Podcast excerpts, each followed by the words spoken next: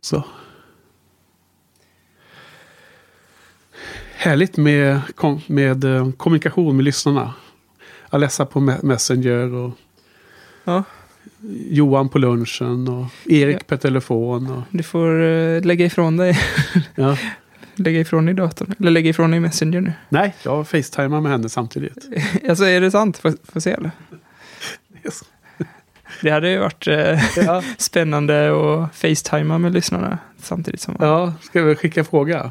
Men det, det är en tanke som jag hade faktiskt när vi spelade in eh, min förra podcast. Att köra semi-live, att man kan, eh, att lyssnare kan hänga med och interagera via någon chatt eller sånt där samtidigt som man poddar och lyssna.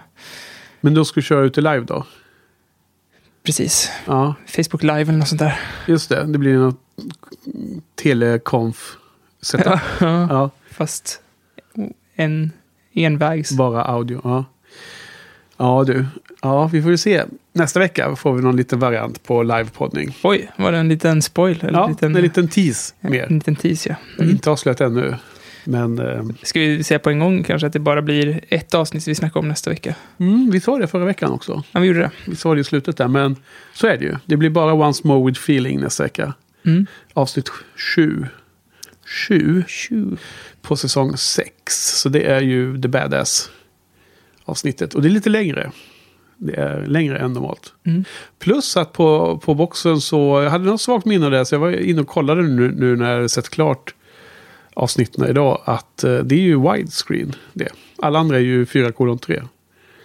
V- För, för den, är det nytt för den här säsongen menar du? Nej, alla avsnitt i hela Buffy-serien är 4 kolon 3 och som är på min box också. Ja. Så det är felaktigt när de har blåst upp det. Du vet, Joel är helt Ja. hypad över allt, alla de där sakerna.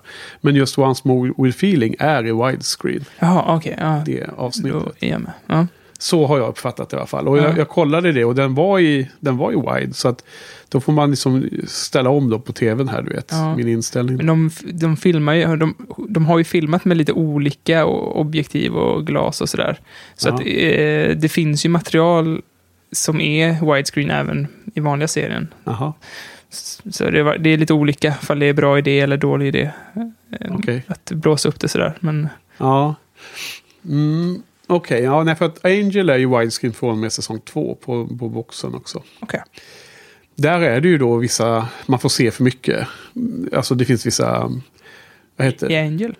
Ja, där är det att det blir fel då. Till exempel så vet jag att i säsong två som jag har sett så är det ett läge där man får se hans eh, spegelbild utanför eh, den, den tänkta filmade ytan. Men eftersom det var widescreen så får man se det då. Men det är fyra, tre som visades på tv när det gick, eller? Även säsong jag två? vet inte riktigt, eh, jag kan inte svara på det, men eh, första säsongen var 4 kolon 3 ska den ses som Mm. på DVD-utgåvan. Och de resterande serierna, ska, eh, tvåan till femman, ska ses på 16 kolon 9. Så att, Ja, för i Buffy, jag har ju sett en del på den här 16.9-versionen. Och Ja. den är, där är det ju katastrofalt mycket, liksom, mm. man får, inte ska vara med. Liksom, personal som står ute i kanten och håller upp mickar och sådär. Så ja. det är inte så Nej, bra. att, trots, jag hade sett den där eh, extra, eh, det här klippet om att det var för mycket Angel ibland. Mm. Och trots att jag sett det så lade jag inte märke till det när jag såg avsnittet. Mm. Det, du har säkert sett det redan, för du har ju sett en majoritet av tvåan va? Mm. För det är någon gång de kommer in i ett gym. Och de går rakt igenom gymmet och så är det på insidan, innersta rummet i gymmet så är det någon demon som bara Angel ska liksom slå ner. Det är liksom så här jättekort. Första avsnittet av säsong två. Är det det? Det kanske är så tidigt. Ja, jag tror det. Ja, precis. Det är jättetidigt. Och där, då, i det gymmet så har de ju sett till att han inte syns i några speglar. Men ute i periferin då så finns det, för det är ju speglar överallt i Ja. gymmet, du vet. Man Ja. står och pumpar eh, eh, järn. Och eh, då syns han tydligen i något scen om man är jättenoggrann och tittar. Mm. Ja, ja, det var det i alla fall. Ja, men du, eh, ska vi köra igång lite med en gång eller? Det gör vi.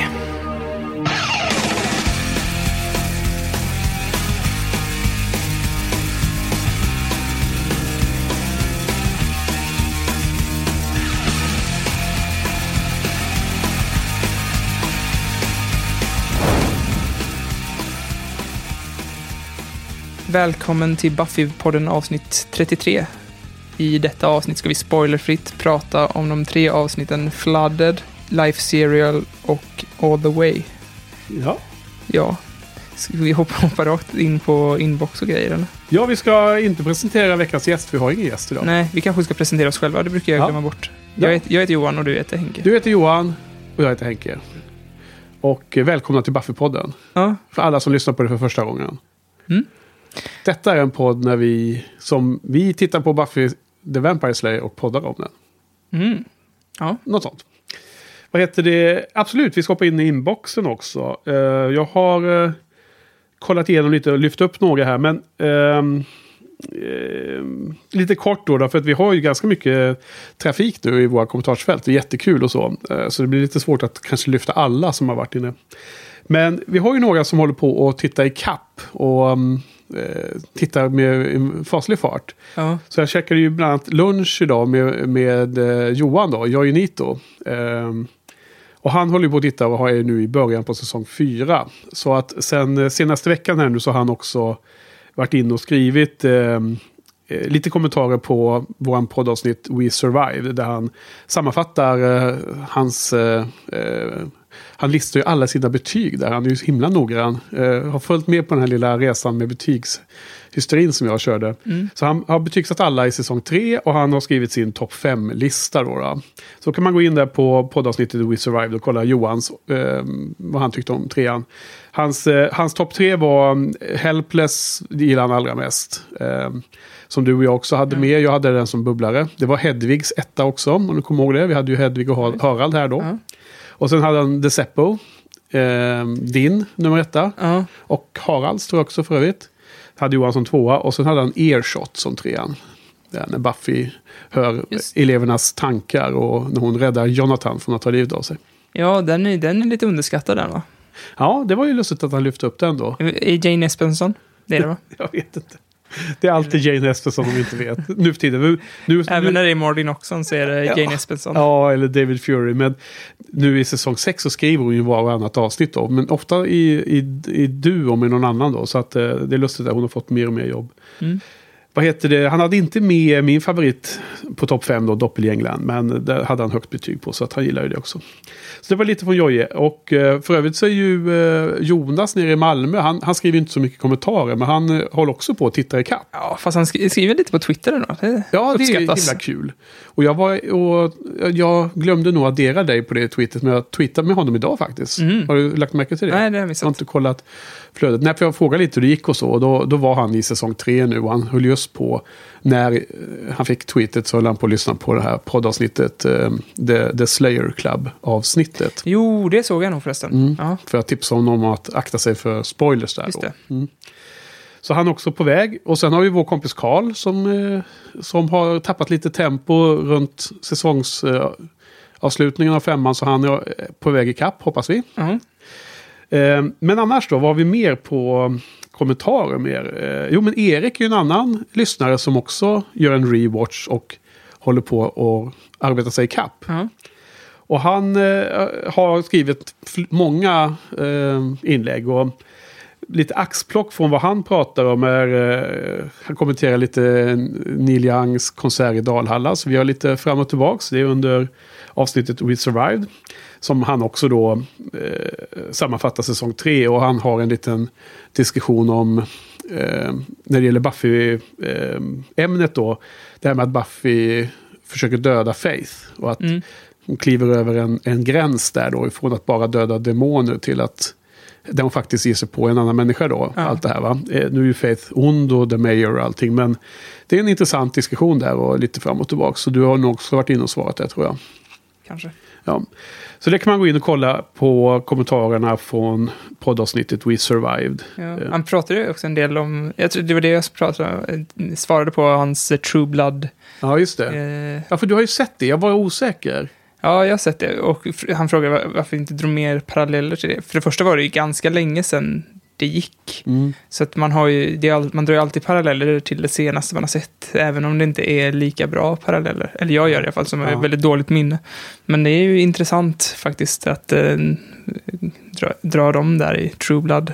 Ja, och jag har inte sett ett enda avsnitt av True Blood. Så att eh, jag kan, har ju väldigt svårt att eh, blanda mig in i en sån diskussion. Men jag blir ju lite nyfiken nu när ni hade den här eh, eh spekulation om hur mycket som var liknande, ja. speciellt Buffy-avsnitt då. I någon, någon scen blir, där. Jag blir också lite nyfiken på att se om nu när jag har sett Buffy. För man, eh, det känns ju onekligen som att de måste ha sett Buffy. Ja. Det känns som att om man gör en vampyrberättelse så man, måste man nästan gjort sin research och se, sett på Buffy. Ja, och det kan vara intressant att se då en, för den är väl tio år yngre ungefär skulle jag gissa va? Ja, det är nog något sånt. Den är äldre än vad man tror. Ja. Eller? Jag vet inte. Nej, men minst tio år. Ja. Eh, så, att, så att det liksom har hunnit utvecklas en del på tv, inom tv-branschen. Då har ju liksom tv-serier, då på 90-talet så var ju inte tv-serier lika, eh, vad heter det? Serialiserade? Nej, men lika seriöst som filmbranschen. Det var så långt, det var så stort gap mellan tv-serie ja. och film. Ja. Medan det, det gapet har minskat känns det som. Eh, ja. Mer och mer de senaste åren. Så att miniserier och olika stor tv-serieproduktioner blir ju attraherar ju både regissörer och skådespelare som är liksom i normala fall i film, se, mm. filmvärlden. Ja, det är ju till och med så att eh, de plockar ju regissörer från filmbranschen och låter regissera enstaka avsnitt och sådär. Ja. Så är det, var det ju inte riktigt när Buffy gick, att en filmregissör skulle recensera ett enstaka avsnitt här och där. Mm. Så, och det är ju nästan också lite prestige i att uh, han som gjort Splice, uh, han har ju regisserat något Westworld-avsnitt nu. Mm. Så det är lite ja, och till exempel den här House of Cards som var David Fincher var ju med där, mm. tror jag det var va?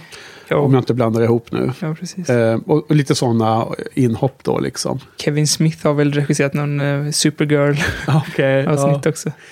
Eh, sen har ju också många av Joss eh, medarbetare på de här serierna som vi nu tittar på nu gjort karriär inom filmbranschen sen. Jag menar, han, vad heter han eh, som gjorde Cloverfield och bland annat Drew Goddard, heter han det eller? Ja.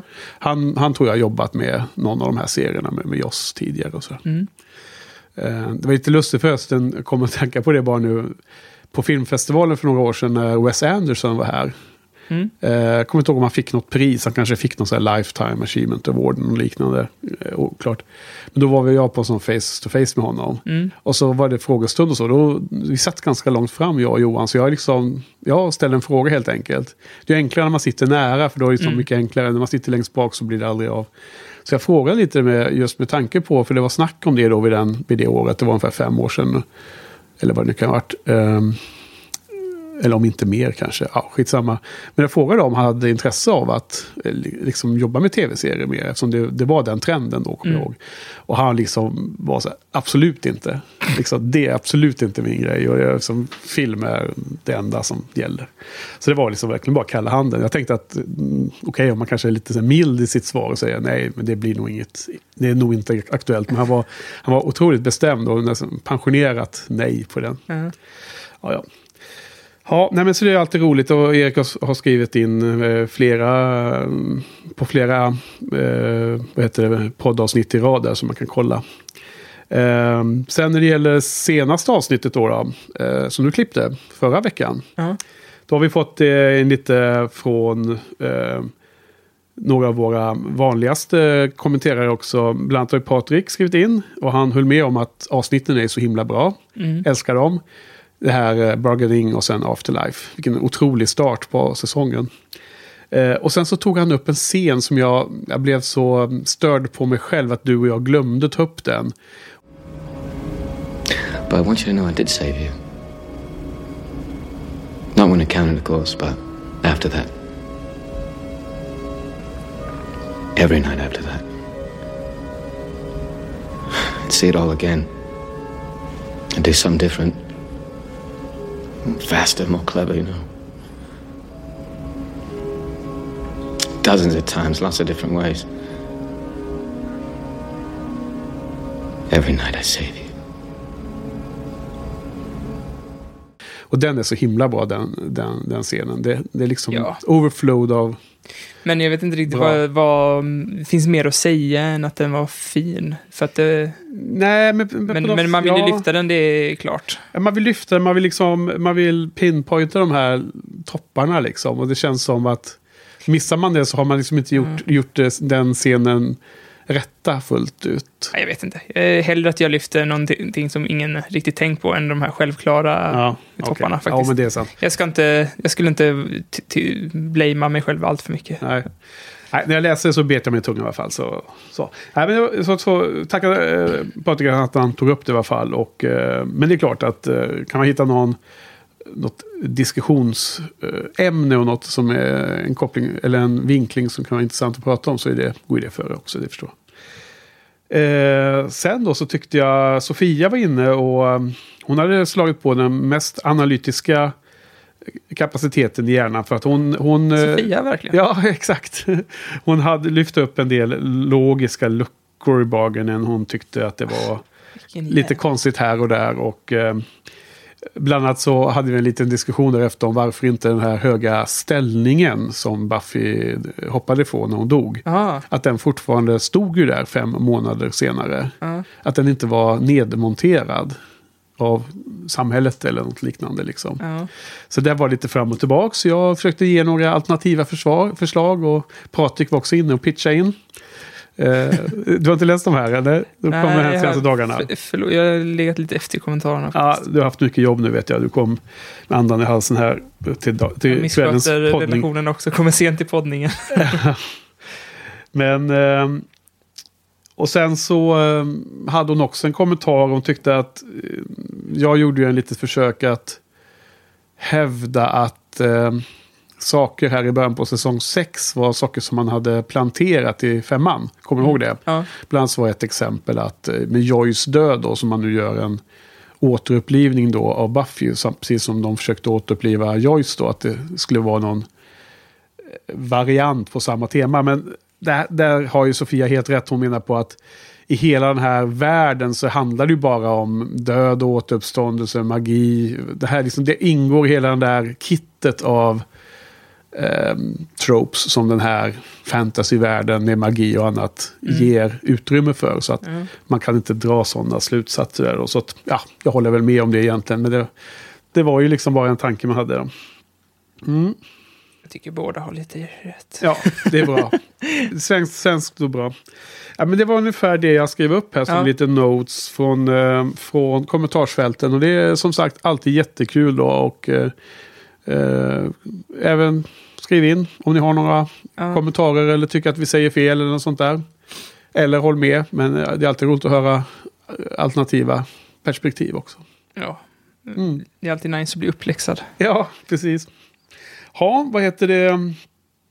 Men innan vi börjar med kvällens eh, avsnitt så kommer du ihåg att förra veckan så lite där avslutningen att man spekulerar lite om hur ska det bli i fortsättningen. Ska det vara, ska det vara bra? Ska det vara så här hög nivå eller inte liksom? Eh, Vad tycker du generellt om de här tre avsnitten som vi har sett till ikväll jämfört med de tre första?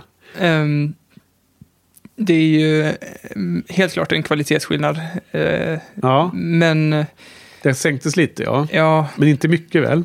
nej, nej, det gjorde det väl kanske inte. Men eh, det, det, vi vet ju att nästa vecka kommer det ju, det här kanske är lite snack innan, liksom, jag tar här, händelserna i förväg. Ja. ja. Men eh, det senaste avsnittet kändes verkligen, alltså det var verkligen neråt, neråt för varje avsnitt. Mhm. Och eh, så har det ju varit innan också, precis innan ett stort Joss Whedon-avsnitt. Ja. Så, så brukar kvaliteten dippa lite. Ja, just Och det. det, det, det märktes tyckte jag. Att, eh, Och din tolkning har varit att de inte koncentrerar sig lika mycket på dem då? Eller? ja, precis. Ja. Precis som eh, i en del avsnitt så kan man dra ner budgeten för att i nästa avsnitt eh, ha massa explosioner och grejer. Ja. Så drar man ner på kvaliteten på storyn Ja. här för att i nästa avsnitt ha jättehög kvalitet. Nej. ja.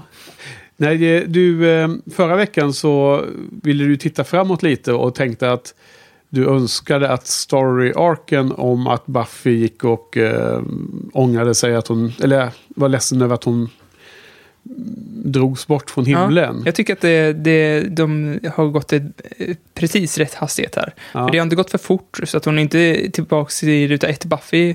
Men samtidigt så får man, hon blir ju liksom, för varje scen så blir hon liksom lite gladare. För varje avsnitt, rättare sagt, så har hon har det injicerats mer humor. Även om det är mycket mer svart humor nu så är det ju... Ja. Och det, är- man vill ju ha karaktärsutveckling samtidigt Ja. som man vill att hon ska gå vidare. Liksom. Så det, jag tycker de har skött Buffy perfekt faktiskt.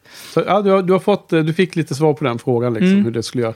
Och eh, om jag ska spekulera vidare, då, Mm. som vi pratade om sist, eh, och något som jag faktiskt skrev upp i som show notes förra avsnittet, eller inte show notes, men anteckningar inför avsnittet, att, eh, och eh, som, som jag hade hoppades på att det inte skulle ge för mycket svar på nu, men det är, det är väl lite klarare nu också, det är ju att eh, det här, hela den här, de här interna intrigerna som på, pågår, att det, att det ska utvecklas i någon slags civil war. Nu heter det inte det i filmerna, va? Det heter något...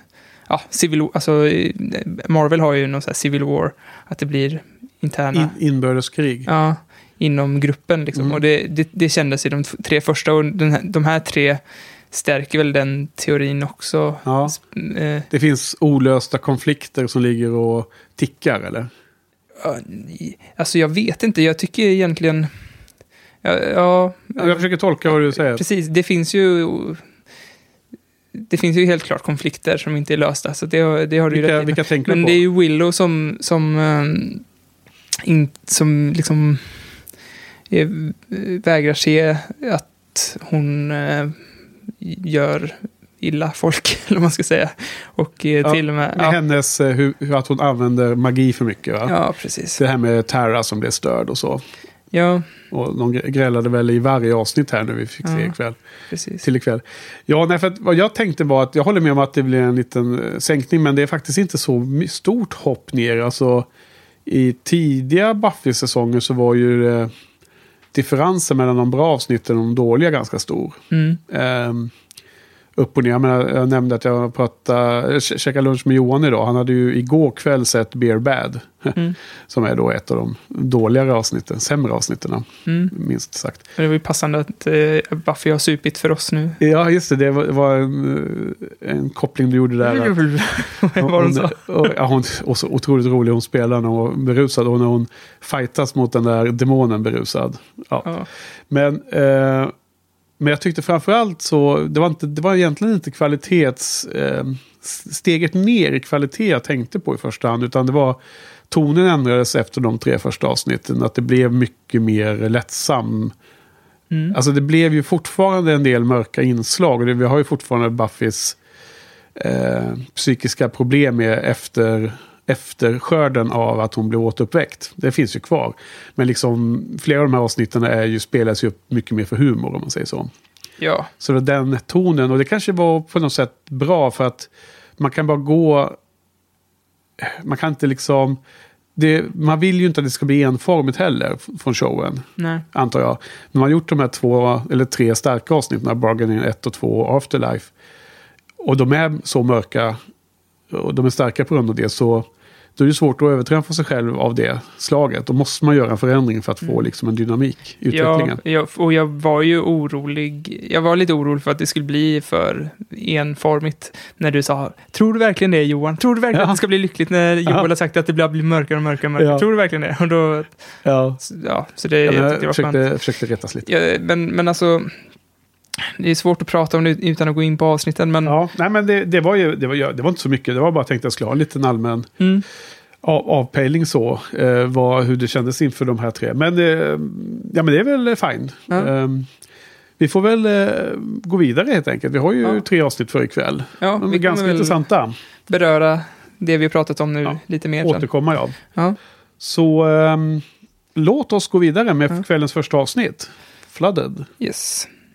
This is not why we got together in the first place. Yeah, we teamed up with one clear, super cool mission statement. Remember? So, you guys want to team up and take over Sunnydale? Okay. Of course, I remember. It was last month. Det fjärde avsnittet i säsong, säsong sex nu då. Eh, skrivet av Jane Espenson och Douglas Petrie. Petrie, Petrie. Ja. Regisserad av Douglas Petrie också. Petrie, ja, Petrie, ja. För de, de förra tre avsnitten var ju alla regisserade av samma... Det, Ja. det är också bra för tonen, för de tre avsnitten kändes som de hängde ihop ganska Mm. Ja. mycket. Så det är David Solomon som regisserade dem. ja. Så när de byggt, egentligen är det mycket bättre med tv-serier när det är samma regissör på, på allt, skulle jag säga. Ja, lite som uh, True Detective. Ja, eller väldigt mycket som True. Detective första säsongen. Ja, de hänger ihop. Ja, Mm. men det skulle de ju faktiskt ha. Men eh, så är det inte. I Buffy i alla fall. Det, det här avsnittet heter Flooded och eh, ja, det börjar ju med att eh, Buffy får... Det svämmar över hos Buffy. Och det är ju inte bara liksom i källan som blir full av vatten, utan det, är även, det svämmar över med räkningar och allt möjligt grej som har Ja. jävlats medan hon varit död, liksom, som hon måste ta itu med nu. Eh, och eh, nu måste hon liksom vakna upp eh, ur sin sorg och ta tag i saker. För det har ju inte skobisarna riktigt gjort. Så eh, hon beger sig... Och Willow har inte gjort det i alla fall. Nej, så Hon är ju dryg. chef för allting, har de ju kommit fram till. Ja, nej, de är sämst vänner alltså. Ja. Ibland är de så jävla kassa. Det var liksom att, nej men du har ju varit död så nu är ju pengarna slut. Och så, Det är inte så här, ja men nu ska vi, ta, det- ska vi börja jobba eller så här, utan det är så här, du får lösa det här Buffy. Ja, alltså allting läggs på Buffys axlar och sen lägger Buffy allting på Mr. Giles axlar i Ja. de här avsnitten. Ja. Så fort det är någonting så om det var så skönt att du är här. Ja. Ja. Ja, men hon ska i alla fall ta ett lån. Och eh, såklart så råkar hon rädda några bankirer från demoner där. Och eh, det är ju inte att eh, hon får lån för det. För övrigt var det mm, Fersnik eller? I think it's mmm Vashnik. Like mmm cookies. M. Fersnik. Fersnik. Ja, men eh, det visar sig då att det är en eh, nybildad trio som vi känner igen i två utav dem i alla fall. Känner vi igen den tredje? Nej, det tror jag inte. För eh, jag har ju talat om den här människan. Vem? Jag såg att det stod Tom Lenk Ja. i introtexterna och då tänkte jag, ja, det är ju han ju som jag har, det har ju varit lite skriveri om honom för att han har härmat kändisar på Instagram eller sånt där. Okej. Och eh, jag kollade på hela avsnittet och så bara, vem fan var Tom Lenk? Ja. Jag trodde att det skulle vara någon jättestor person, men sen eh, kollade jag upp det och det är ju en av de där tre, ja. tre den där trion där med nördar. Eh, och eh, där är ju en del av tonskiftet. De är ju som eh, jag läste någonstans att eh, som hämtade ur Big Bang Theory. Det är ju väldigt Jaha. platta karaktärer det där. Och eh, till slut, De är jätte... De är inte platta, de är härliga. de är fruktansvärt platta. Eh, tycker du det? Men, Vad heter men de? Warren och Jonathan. Och sen Andrew. Tom Lenk, ja. Ja, det, det är ju alla stereotyper Ja. helt utan twist. Eller, de gillar Star Wars och allt det här. ja, jätte... Ja. Men ehm, i alla fall, det är de som har skickat den här demonen på, för att hämta pengar åt dem. För att de, vill, vara, de vill ta över Sunnydale. Men eh, den här demonen eh, blev ju stoppad av Buffy, så han... Eh, ja, jag vet inte, han blev sur på dem. Ja. Ja. Nej, men det är ju setupen i det. ja, och eh, det, det liksom slutar med att eh, de skickar honom till Buffy. Mm. Hem till Buffy. Där Buffy får ta hand om honom. Alltså sönder inredning och allting. Ja. Nej, alltså jag... jag eh, själva...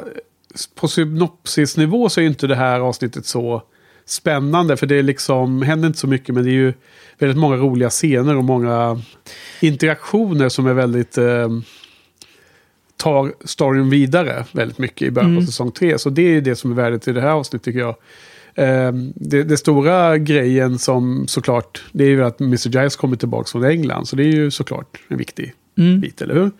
Och ehm, den här eh, scenen där när han dyker upp och träffar henne igen, det är ju väldigt fin. Ja. Nämner jag den nu då? eh, inte den mest komplexa eller diskussionsvänliga, men jag tycker ändå att den är så fin. Ja. Och såklart så blir han knockad också. Ja, det blir han också. Det är lite för att återbesöka gamla minnen av Mr. Giles. Mm. Sen så kan jag tycka att det är så himla lustigt att det, det har varit i Buffys alla säsonger så har de alltid haft så här ovärderliga artefakter i, i, i Giles gömmor. Och nu i Magic Box som har gång efter annan så har de haft väldigt dyrbara saker. Men de har aldrig liksom omvandlat det till massa pengar. Och nu plötsligt så har de inga pengar liksom. Det, det är också sån här liten ologisk. Alltså, de första säsongerna så, så var det aldrig något problem med några pengar överhuvudtaget. Nej. Bara för att Joyce hade ett galleri och sålde, sålde liksom något där, eller konst eller vad hon hade. Men nu då när, när Joyce inte har den inkomstkällan längre, hon, hon inte kan försörja, hon inte finns kvar att försörja eh, döttrarna, Nej. så är det det här jättestora problemet. Men det, man får väl ta det med en nypa salt. då. Ja, alltså jag, jag såg på Passion of the Nerd, som vi gillar Ja. allihopa. Eh, han har ju någon slags eh, Comic Con-snack, där Ja. han pratar allmänt om Buffy, Ja, men framförallt om säsong tre kanske. okej. Ja, men i alla fall, han spoilar friskt där, men så det, man får blä- bläddra lite där. Men eh, han sa att den här säsongen skulle handla mycket om, eh, nu läser jag till The Pitfalls of Adulthood. Ja. Adulthood. Och eh, Säsong 6. ja, Ja. Och det här kändes som ett liksom, första smakprov på det. Ja. Att hon måste lösa den här ekonomiska ja, precis. För det, situationen. det är som du säger att det är Flooded är ju mångbottnat då, namnet på avsnittet. Det handlar ju inte bara om att det är Flooded av vattnet då, som du var inne på. Utan det är alla de här eh, ansvaren som sköljer över Mm. att vara husets, eh, eh, vad heter det, Queen of the Ca- Castle som hon är, Buffy Ja. nu då. Det, det kändes som en, eh, ett, ett bra tema faktiskt. Eh, Men det kändes lite dåligt genomfört. För det kändes lite som eh, när Angel försökte hitta sin plats när han kom till Los Angeles. Och eh, liksom starta upp sin firma, liksom hitta sin, sin plats. Och här är det ju lite samma sak, att hon också så här, går vidare från high school, ska försöka hitta sin, eh, kanske ännu mer i nästa avsnitt, så här, hitta Ja. sin plats i världen. Eh, Ja. mm, Alltså jag tycker, jag tycker det är svintråkigt när de blandar in att Buffy ska ha problem med att få in pengar och sånt där. Ja, i alla fall när det inte mynnar ut till någonting. För jag tycker att i Angel så har det skötts snyggt. Liksom. Ja. För det är väl lite liknande när de hittade, när de liksom bosatt sig i Magic Box, eller liksom hittade det som någon slags bas. Sådär, Ja. Nu har vi hittat det här stället som vi kan liksom utgå ifrån. Ja. Nu, nu hade det varit nice ifall hon ganska snabbt kunde bara hitta sin plats som eh, post, eh, inte high school, men ha, ja, post skola liksom. Men det är väl i det här avsnittet som Mr. Giles, eller det nästa avsnitt, eh, ger henne en check som hon ska kunna Ja. betala av sina eh, omedelbara räkningar i alla fall. Men generellt sett så, så tycker jag i en sån här fantasyvärld och en sån här eh, typ av serie så vill man inte ha det där realistiska vardagsproblemen liksom att tung, tynga ner karaktären. Det är ungefär som att Alltså Sagan om ringen, det var ju mycket gående ändå, men liksom att det bara skulle vara bara fokus på logistiken kring färden. Det vill man inte se. Man vill ju se dramat liksom när de ska möta fienden och överleva mot eh, de onda och sådär. Man vill inte se liksom Ah, vi måste leta efter lite mer mat så vi kan göra lunch och var ska vi sova i natt och allt sånt där. Liksom, det är sådana grejer ser man ju sällan eh, fantasy fantasyhistorier. Ja, jag, jag, jag, jag tror nog de hade kunnat, nu tycker jag inte det här var så bra genomfört, men jag tycker nog att det hade varit eh, coolt att se liksom Buffy kunna hitta ett sätt att tjäna pengar genom sin, eh, sina skills. Liksom. För det, det känns som att allting, nu blandar jag in nästa avsnitt också lite, lite, lite grann, men det känns som att allting är så eleverat för henne. Hon är, hon är i en situation som många har varit i, men hon ska försöka hitta sin plats samtidigt som hon inte är så pepp på det. Som, man, som tonåring väl- kanske inte är så pepp på det, men det hon väl- har ju ja. dött. Liksom. Hon kommer tillbaka och är, har, liksom, vill tillbaka. Hon vill ju dö igen för att så, Ja. livet är så jobbigt. Det, det är i slutet på nästa avsnitt som hon får pengar av Mr. Giles, nu kommer jag på. Men det är skitsamma, vi det, Ja, pratar, det om, den, ju. pratar Ja. om den gen- generellt, den frågeställningen. Ja, jag, jag, jag tycker den är lagom rolig. Alltså det, till exempel Harry Potter där då, när han, han har bara ärvt en stor hög med guldmynt liksom, som Mm. finns inne i ett bankvalv. Det liksom löser den problemet ett enda slag. Liksom, så här. Som jag Ja. tycker är liksom mycket najsare. Ja, man, men jag tycker att det är lite lat eh, storytelling, att Ja. bara lösa det på, så med liksom, någon bekväm ja, lösning på det viset. Jag tycker det hade varit coolt som Angel har de löst det snyggt tycker jag. ja, Med att han har byggt upp den här firman. Och för övrigt får ju det förslaget det som du säger att Cordelia och eh, ehm, Anja spelar lite samma karaktär för att Anja, Anja, eller Cordelia gav ju det förslaget till Angel att han skulle starta något. Ja, Angel Investigation och tjäna pengar på att hjälpa folk. Och det var ju det Anjas förslag också till Buffy. Mm. Du kan ju ta betalt för att dräpa, men eh, och jag är övertygad om att de har gjort det för att ha en liten blinkning mot Angel också. Att det blir som olika lösningar på problemen. Mm, förutom att de inte hittar någon lösning med en stor check. Det är som Harry Potter, de löste det med en stor check liksom Ja. i slutet. Ja, men jag, jag kommer inte ihåg nu detaljerna, men jag vet inte om det är eh, färdiglöst. Om det, den där checken vet jag inte om det löser alla problem. Liksom. Nej, men Det jag... kanske kommer något i något annat avsnitt. Ja, jag hade nog helst sett att de löste det ganska snabbt, för det Mm. är som du säger lite tråkigt. Alltså, det är plott för ett avsnitt max, kanske till och med introt på det här avsnittet. Inte... Jo, men då är du ändå inne lite på samma bana som jag menar här på. Att det är ganska tråkigt ämne att behandlas i en serie likt Buffy. Där det är så mycket andra högflygande koncept och liksom starka känslor som man normalt sett behandlar.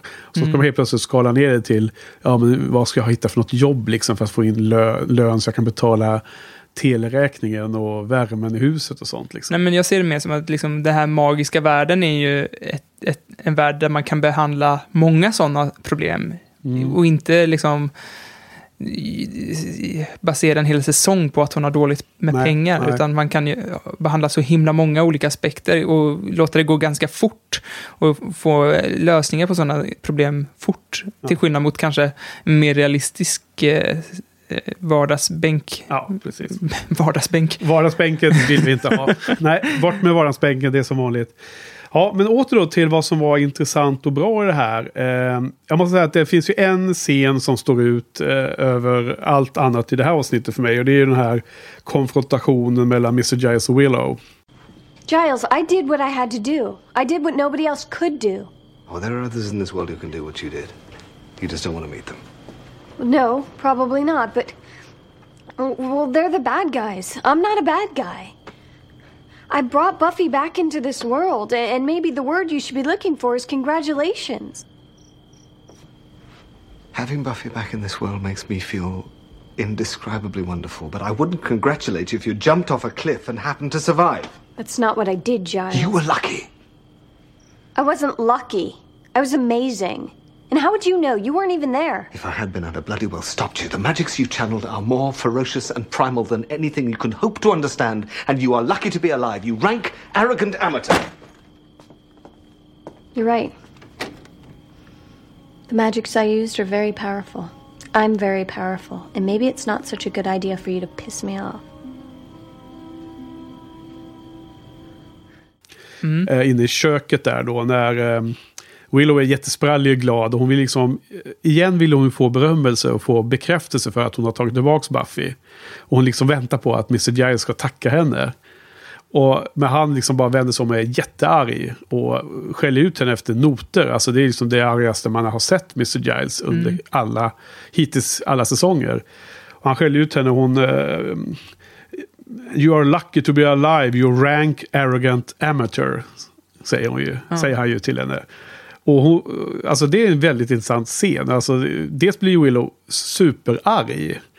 Eh, som också är en intressant reaktion, eller hur? Jag menar, Ja. det här med arg kontra att bli defensiv och eh, så att säga nedslagen. Ja, det är så fruktansvärt ocharmigt. Jag, jag läste, och nu har jag, nu har jag kommit till en punkt där jag inte kan säga Dusted längre, för det är någonstans jag har läst i alla fall, att, eh, Ja. att eh, det finns ju en parallell här mot, med Buffy, att när Buffy fick den utskällningen när Angel, när hon höll hemligheter från Giles Ja. genom att ha ett förhåll, förhållande med Angel När han i smyg. kommit tillbaka. Ja. Ja, och då, då när Giles skäller ut Buffy, Ja. då liksom går hon ju på knä och ber om ursäkt och säger, att det var dumt gjort. Men här gör ju Willow helt tvärtom och, och bara eh, hotar Mr. Giles. Jag har till och med liksom. hotat honom. Jag, alltså, Och det är jag tycker den här scenen är väldigt, väldigt dramatisk och spännande. Ja, och det här är ju...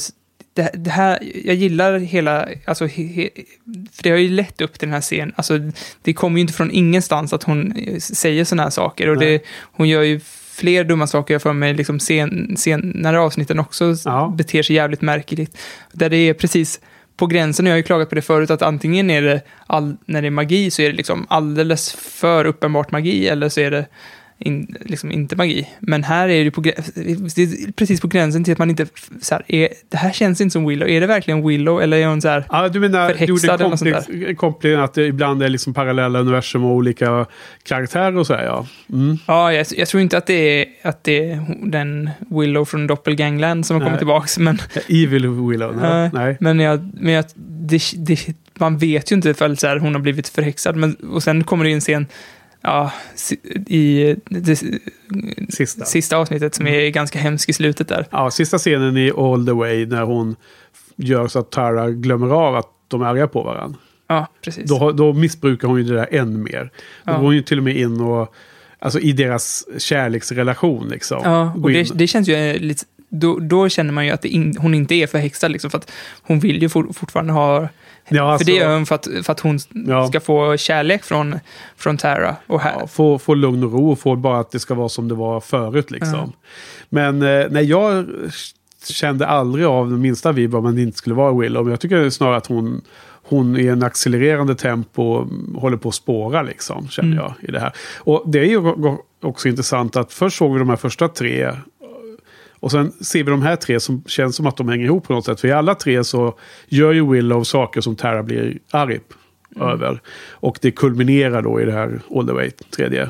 Det är ju när de letar efter, eh, när Dawn har försvunnit och de är på The, the Bronx. Och då har ju Willow ett förslag att hon ska låta alla som inte är 15 år komma i en annan dimension. Och sen ska hon kunna hitta Dawn där då, i det Ja. tomma rummet.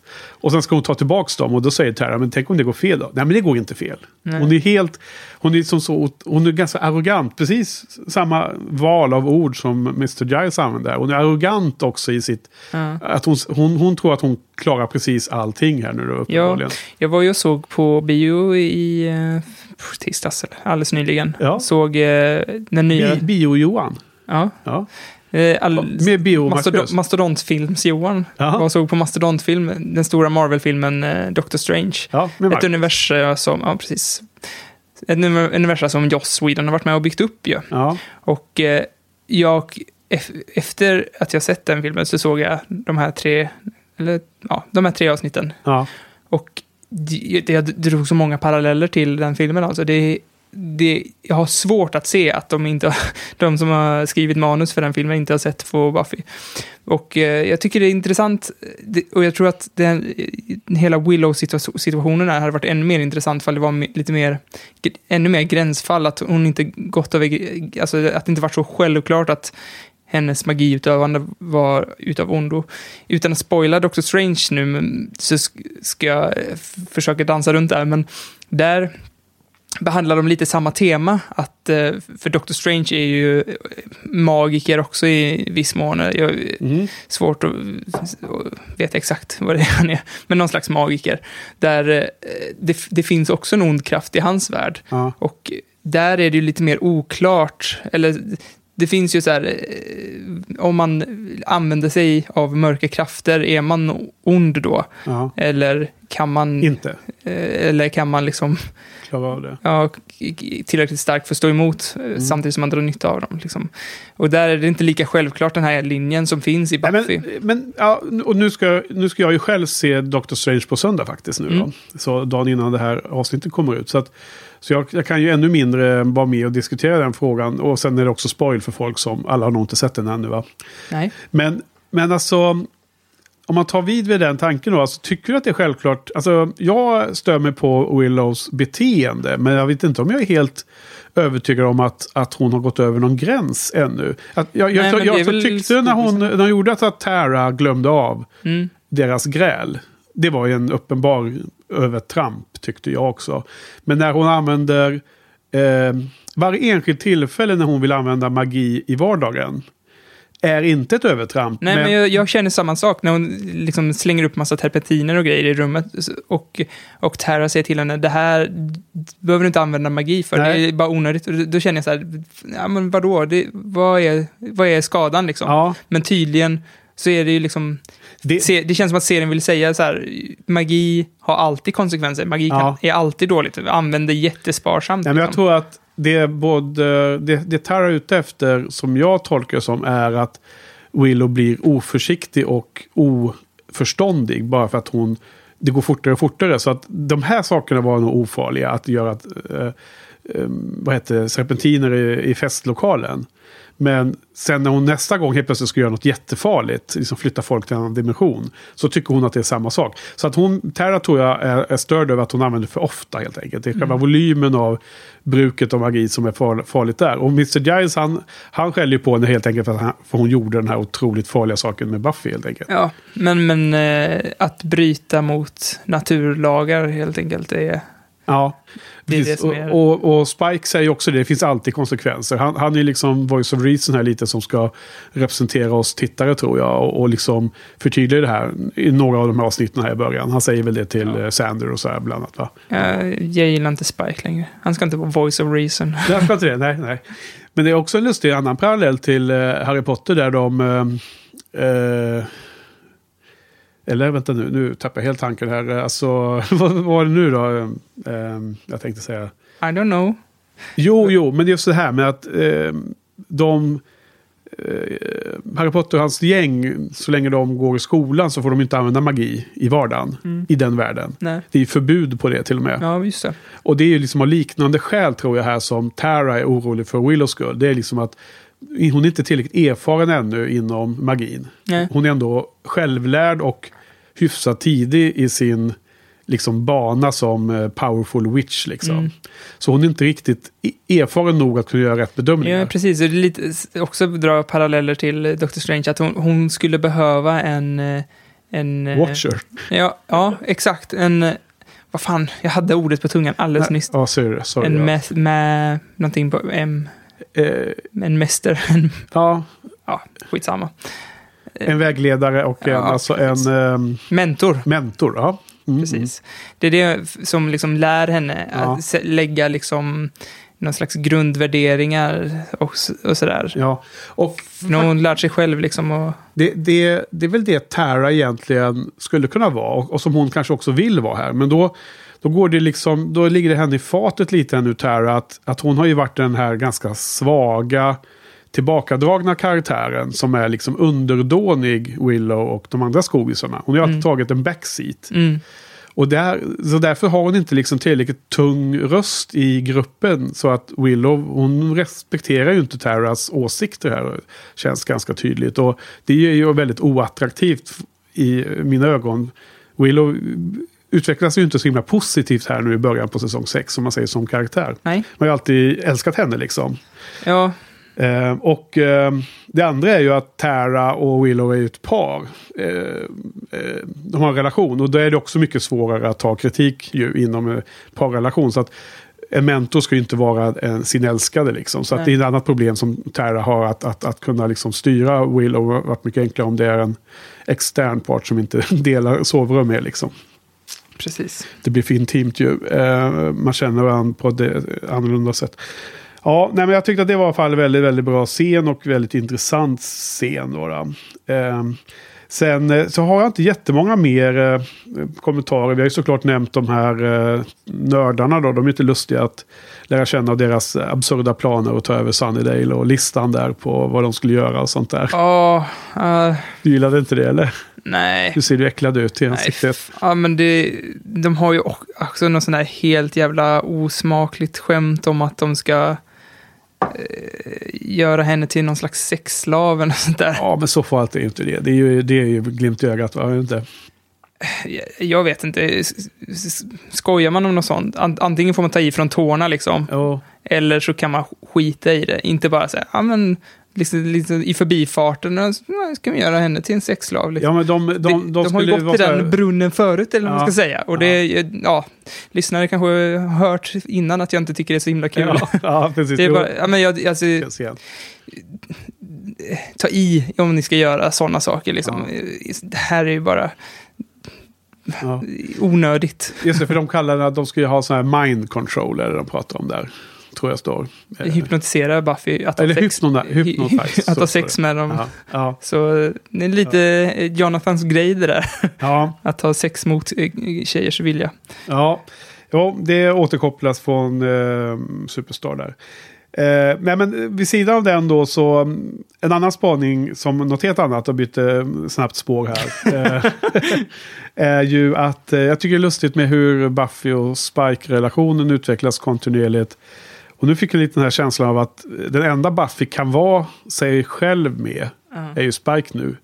Uh, Skobisarna är så himla krävande på Buffy. Ja. Det är ju här flooded. Liksom, det är alla kraven från alla håll och det är dels så här vardagsbänken, som vi kallar det nu. Summeringen och all, allt, allt i vardags... Det är inte en grej. Ja, nu blev det en grej. Nej. Eh, vardagsbänken och dels har de det här kravet att hon ska vara tacksam för att hon blev räddad från Ja. helvetet. Men Spike är den enda hon kan vara tyst med. Alltså du vet en sån här kompis som man har när Mm. man kan bara sitta och vara tyst ihop utan att det känns awkward. Nej, jag, Har du någon sån kompis?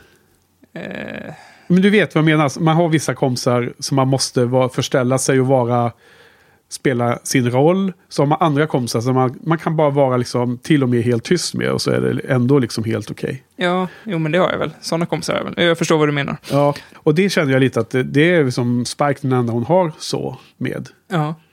Ehm, ja. Ja, jag, men jag stör mig lite på Spike, att han alltid säger rätt saker. Jag, jag skulle vilja att han...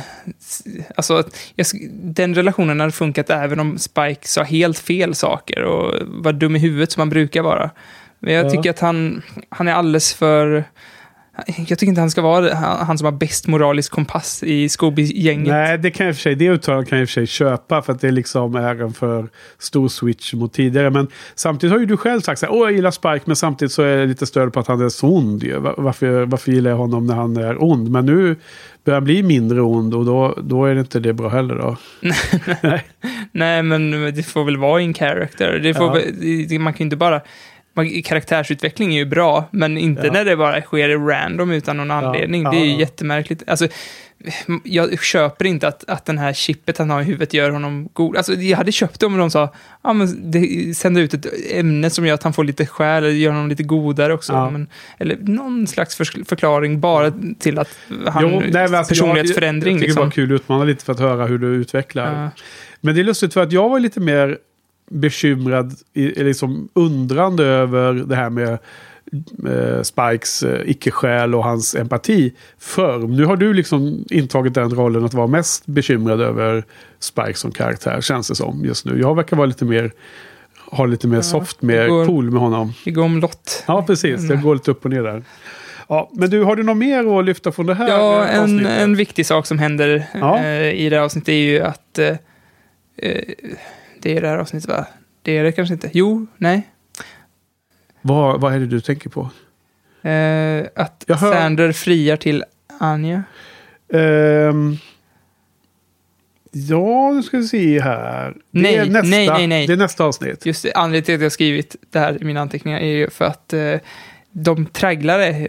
Ja. Att de, de, de pratar om det väldigt mycket. Utanför huset va, på gatan där. precis. Jo. Och eh, Sander håller ju ganska fin eh, liksom, monolog som Annie har bästa svaret på. Liksom, att Ja. Du lurar mig med dina fina ord. Ja, alltså först så håll, tycker man att Anja har helt rätt liksom för att hon blir bara förtvivlad över att han förhalar hela tiden. Mm. Sen så kommer Sander med sin monolog. Men, ja, Jag vet inte, jag köpte inte riktigt den.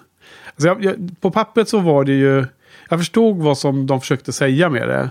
Mm. Men jag vet inte, jag, jag, jag, jag hade min, mitt hjärta låg hos Anja hela tiden i den, i den scenen. Ja, jag tyckte det var en fin monolog han hade, men jag, är självklart så att man, man vi vet inte vad som försiggår i Sanders huvud. Och jag tror inte att, alltså om jag får tolka det vi har sett hittills, man får ju reda på mer senare, men då i den scenen så tror jag inte att Sander själv riktigt vet varför han förhalar det här hela tiden. Nej, han motiverade med att det var så många förändringar i livet och så många steg som togs. Ja, men jag tror att han bara försöker eh, liksom, förklara det för sig själv egentligen Ja, där. Men ja. jag tror egentligen han inte riktigt vet själv. Ja, men du, det kanske är så här. Det är så lustigt för att det han gjorde där var ju att sätta ord på en o, ogenomarbetad tanke. Ja. Och det är kanske därför han så snart därefter bestämde sig för att nu var det dags. Och Ja. berätta för gänget. För jag tror det är nästa avsnitt. Jag har skrivit det i mina notes. Ja, ja, Så vi, när vi byter avsnitt så ser vi om det är nästa eller nästnästa. Det någon, någon gång Jag här. tror att det är halloween-avsnittet faktiskt. För jag för mig att... eh, Ja, men då är det ju tredje här. Då. Ja. Okej. Eh, ja, då, då är det kanske all the way. Men, men eh, ja, det kanske, ja, ja, då kanske det är en dubbeltydighet i, i, i, i titeln all the way också. Att han går, för, går Ja, all in. All in med när det gäller... Jag tänkte mer på Dawns situation Ja, exakt. Jo, men det är väl oftast bra avsnittstitlar när man kan tolka det på mer än ett sätt. Då, Ja. då, som fladdet här bland annat. Då, då. Eh, Så uppenbarligen inte bara fladden när det gäller vattnet. Ja, ja men okej. Eh, nej, men den scenen fanns ju också. Eh, jag, jag måste ändå säga att fan, sen är han jäkla seg att hålla på med det där. Och hon sa ju redan det i, i The Gift-avsnittet när han skulle fria där mitt i brinnande kriget. Att de, de visste inte ens om de skulle överleva dagen. Mm. Eh, Och så friar han. Hon sa, men det gör du bara för att vi håller på att dö snart. Liksom. Ja. Vilket är en väldigt eh, bra kommentar. För det är ju så himla klassiskt. Ja, men frågan är... Om det bara varit därför så hade han ju inte haft en ring att visa upp. Så det var nog inte bara att världen på att gå under. Nej. Men hade han det då? Ja, eller? Jag kommer inte ihåg, men var det inte bara någon låtsasring? Någon, någon leksaksring eller sånt där de använde? Kanske. Jag kommer fast Nej, inte ihåg. men det, det, då hade hon inte visat upp den där fina ringen nu. Då Nej, men hon nu inte- har han ju hunnit skaffa det. Det har gått massor med månader. Okej, det kanske var en leksaksring då. Jag kommer faktiskt inte ihåg. Damn, alltså det var inte så länge sedan vi såg det. Jag har helt Nej. glömt. Å andra sidan håller ju alltid världen på att gå under. Så att det hade ju Ja. aldrig, det hade ju, den repliken hade ju alltid funkat från Anjas sida. Ja. Nej, men det känns ju igen liksom från alla sådana här historiska krigsfilmer och så om första och andra världskriget och då ska någon, någon åka iväg till kriget och då ska de liksom gifta sig innan och sånt där. Mm. Ja. Det känns som en sån vanlig trope att det ska vara en romantisk gest att göra när man är i väldigt stor fara snart liksom. Mm. Ja. Okej, något annat då från Flooded? Nej, jag tror att vi kanske är nöjda där va? Mm. Eh, jag tyckte att det var ett litet snäpp ner, men jag tyckte fortfarande att det är ganska solid där. Så det är ganska bra det här avsnittet. Jag, jag satte sjua på det här. Ja, jag tycker också, som sagt, det är många fina scener mellan Buffy och Giles och mellan Buffy och Spike. Även om, även om jag inte gillar Spikes riktning så är, Ja. är det fortfarande skitbra skrivna. Och James Marsters är ju fruktansvärt bra och även Buffy är jättecharmig och sådär.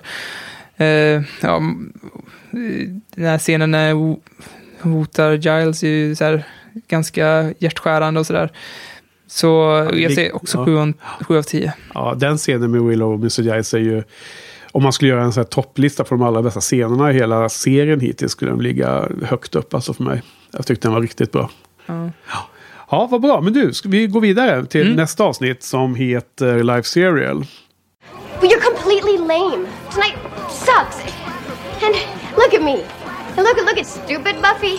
Too dumb for college and and and freak Buffy. Too strong for construction work. And and my job at the magic shop. I was bored to tears even before the hour that wouldn't end. And the only person that I can even stand to be around is a neutered vampire who cheats at kitten poker. Oh, you saw the cheating, did you? Also, I think you're drunk.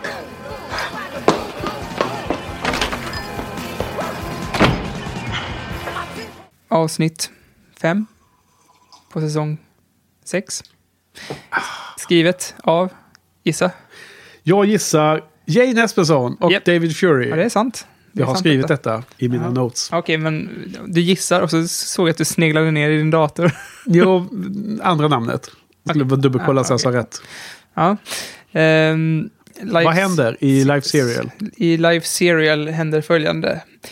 Nördtrion ska utsätta Buffy för varsin trial. Och eh, oklart varför, men... För sa, sa de aldrig varför de skulle... För de håller på att ra- ratea hennes performance. Nej, jag har för mig att de gav varandra poäng för att... Ja, just det. De rateade åt andra hållet. Hur svårt det var, va? Ja, hur lång tid det tog för henne att lösa det och sådär. Ja, men precis. Så- Ja, jag menade, det var vann- så jag menade. Mm. Den som vann, vann. Ja. Ja. så en, en första trialen var att skeva till tiden lite för eh, Buffy. Andra var Groundhog Dia, som jag skrivit i mina anteckningar. Ja. Eh, och tredje, den väldigt uppfinningsrika trialen, skicka lite random demoner på henne. Eh, och den, ja. Eh, Samtidigt fortsätter Buffys kamp med vardagen. Slutar med att hon dricker sprit med Spike och eh, får en check av Giles. ja. och eh, de spelar lite Kitty Poker. Eh, Just katt, det. Kattungepoker. Det var härligt. Det hade jag nästan glömt den scenen. Ja, men nu var det lite sådana snabba klipp, minnesbilder som du körde igen. Som du körde förra veckan. Ja, Stream of consciousness. Men vad lustigt för att eh, nu, nu drog du synopsis. Men jag har ju också lite så här små notes här som en synopsis. Och den låter ganska annorlunda. Jaha. Alltså du fokuserar på de, den nördiga trions eh, trials. Ja. Medan jag, jag såg mer som att eh, avsnittet handlar om att Buffy försöker hitta sin nya roll i det här. Hon, hon ehm, först följer hon med Willow för att sitta med på lektioner. För att förbereda sig inför att eh, komma tillbaka till college. Men sen så känner hon att hon inte pallar med det. Hon tycker att hon är dum och hon hänger inte med och sådär. Ja. Och då ska hon försöka eh, få ett jobb istället. Så hon ska också lösa det här med vardagsbänken. Eh, och alla, och alla, alla räkningarna. Och då tar hon jobb först med hjälp av... Hon får ett jobb via Sander och sen så funkar inte det. Och sen får hon ett jobb hos eh, Anja i Magic Box med salesperson och så funkar inte det. Och sen slutar med att hon kraschar i, i, i, hos Spike och tar en bläcka istället.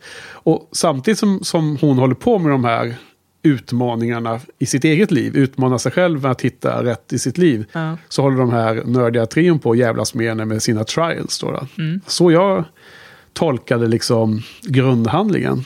Ja, Alltså, båda är ju, är ju rätt, liksom, bara att du, vi beskrev det från olika perspektiv nu, vilket var lite roligt att det kunde bli så. Mm.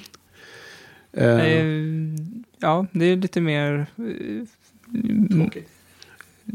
Tråkigt. Tråkig beskrivning, eller nej? Nej, tvärtom. Alltså det, det tråkiga i det här avsnittet är ju eh, nördtrion. Tycker du det? Ja, det, ja. definitivt. Det intressanta är ju vardagsbänken. ja, ja. Fan, så är det också. Precis. Nu är den etablerad forever. Nej, men jag tycker att eh, när jag såg, såg det här avsnittet så kände jag först så här att jäklar vad störd jag blev på att det var så... Alltså jag tolkar det lite mer som ett flamsigt avsnitt. Ett litet... Eh, det var lite för skojfriskt, lite fånigt avsnitt. Mm. Men sen så växte det på mig red- redan under titeln. Redan under tiden jag såg avsnittet. Mm. Så bara började jag gilla det mer och mer. Och sen så tycker jag att det här är liksom det, stark, det bästa av de här tre vi har sett ikväll. Eller sett till ikväll. Mhm. Alltså jag, jag, jätte, jag blev jätteförtjust i det här avsnittet. När det väl bara höll på och det blev längre och längre. Det, det, är som- det, det är ju nästan... Det blir som en uppskruvat tempo tyckte jag. Det, kommer du ihåg det Bewitched-avsnittet? Ja, Bewildered and Bothered. ja. Eh, det, hur vi tyckte att det var så här, tempot blev bara uppskruvat och det blev som en sån här 50-tals eh, slapstick romcom komedi från Hollywood, du vet. Eh, jag fick lite samma känsla här i hennes, liksom, mot, hennes motflyt eh, och hur de klippte.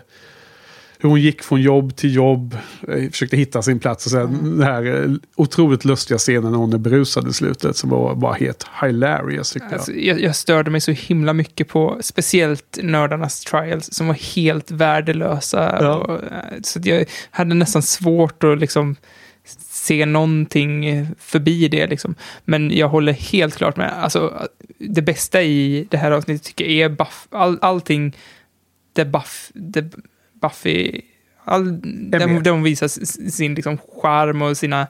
eh, Ja, man, man, och det, är så himla, det känns så himla befriande att se henne skämta och sådär också. Varje gång, eh, till exempel, de går och pratar med Sander där och kommer på att det är Evil Speck eller Evil Lint, Evil Lint, eh, det där dammkornet som, som gjorde att tiden eh, ökade på sådär snabbt. ja.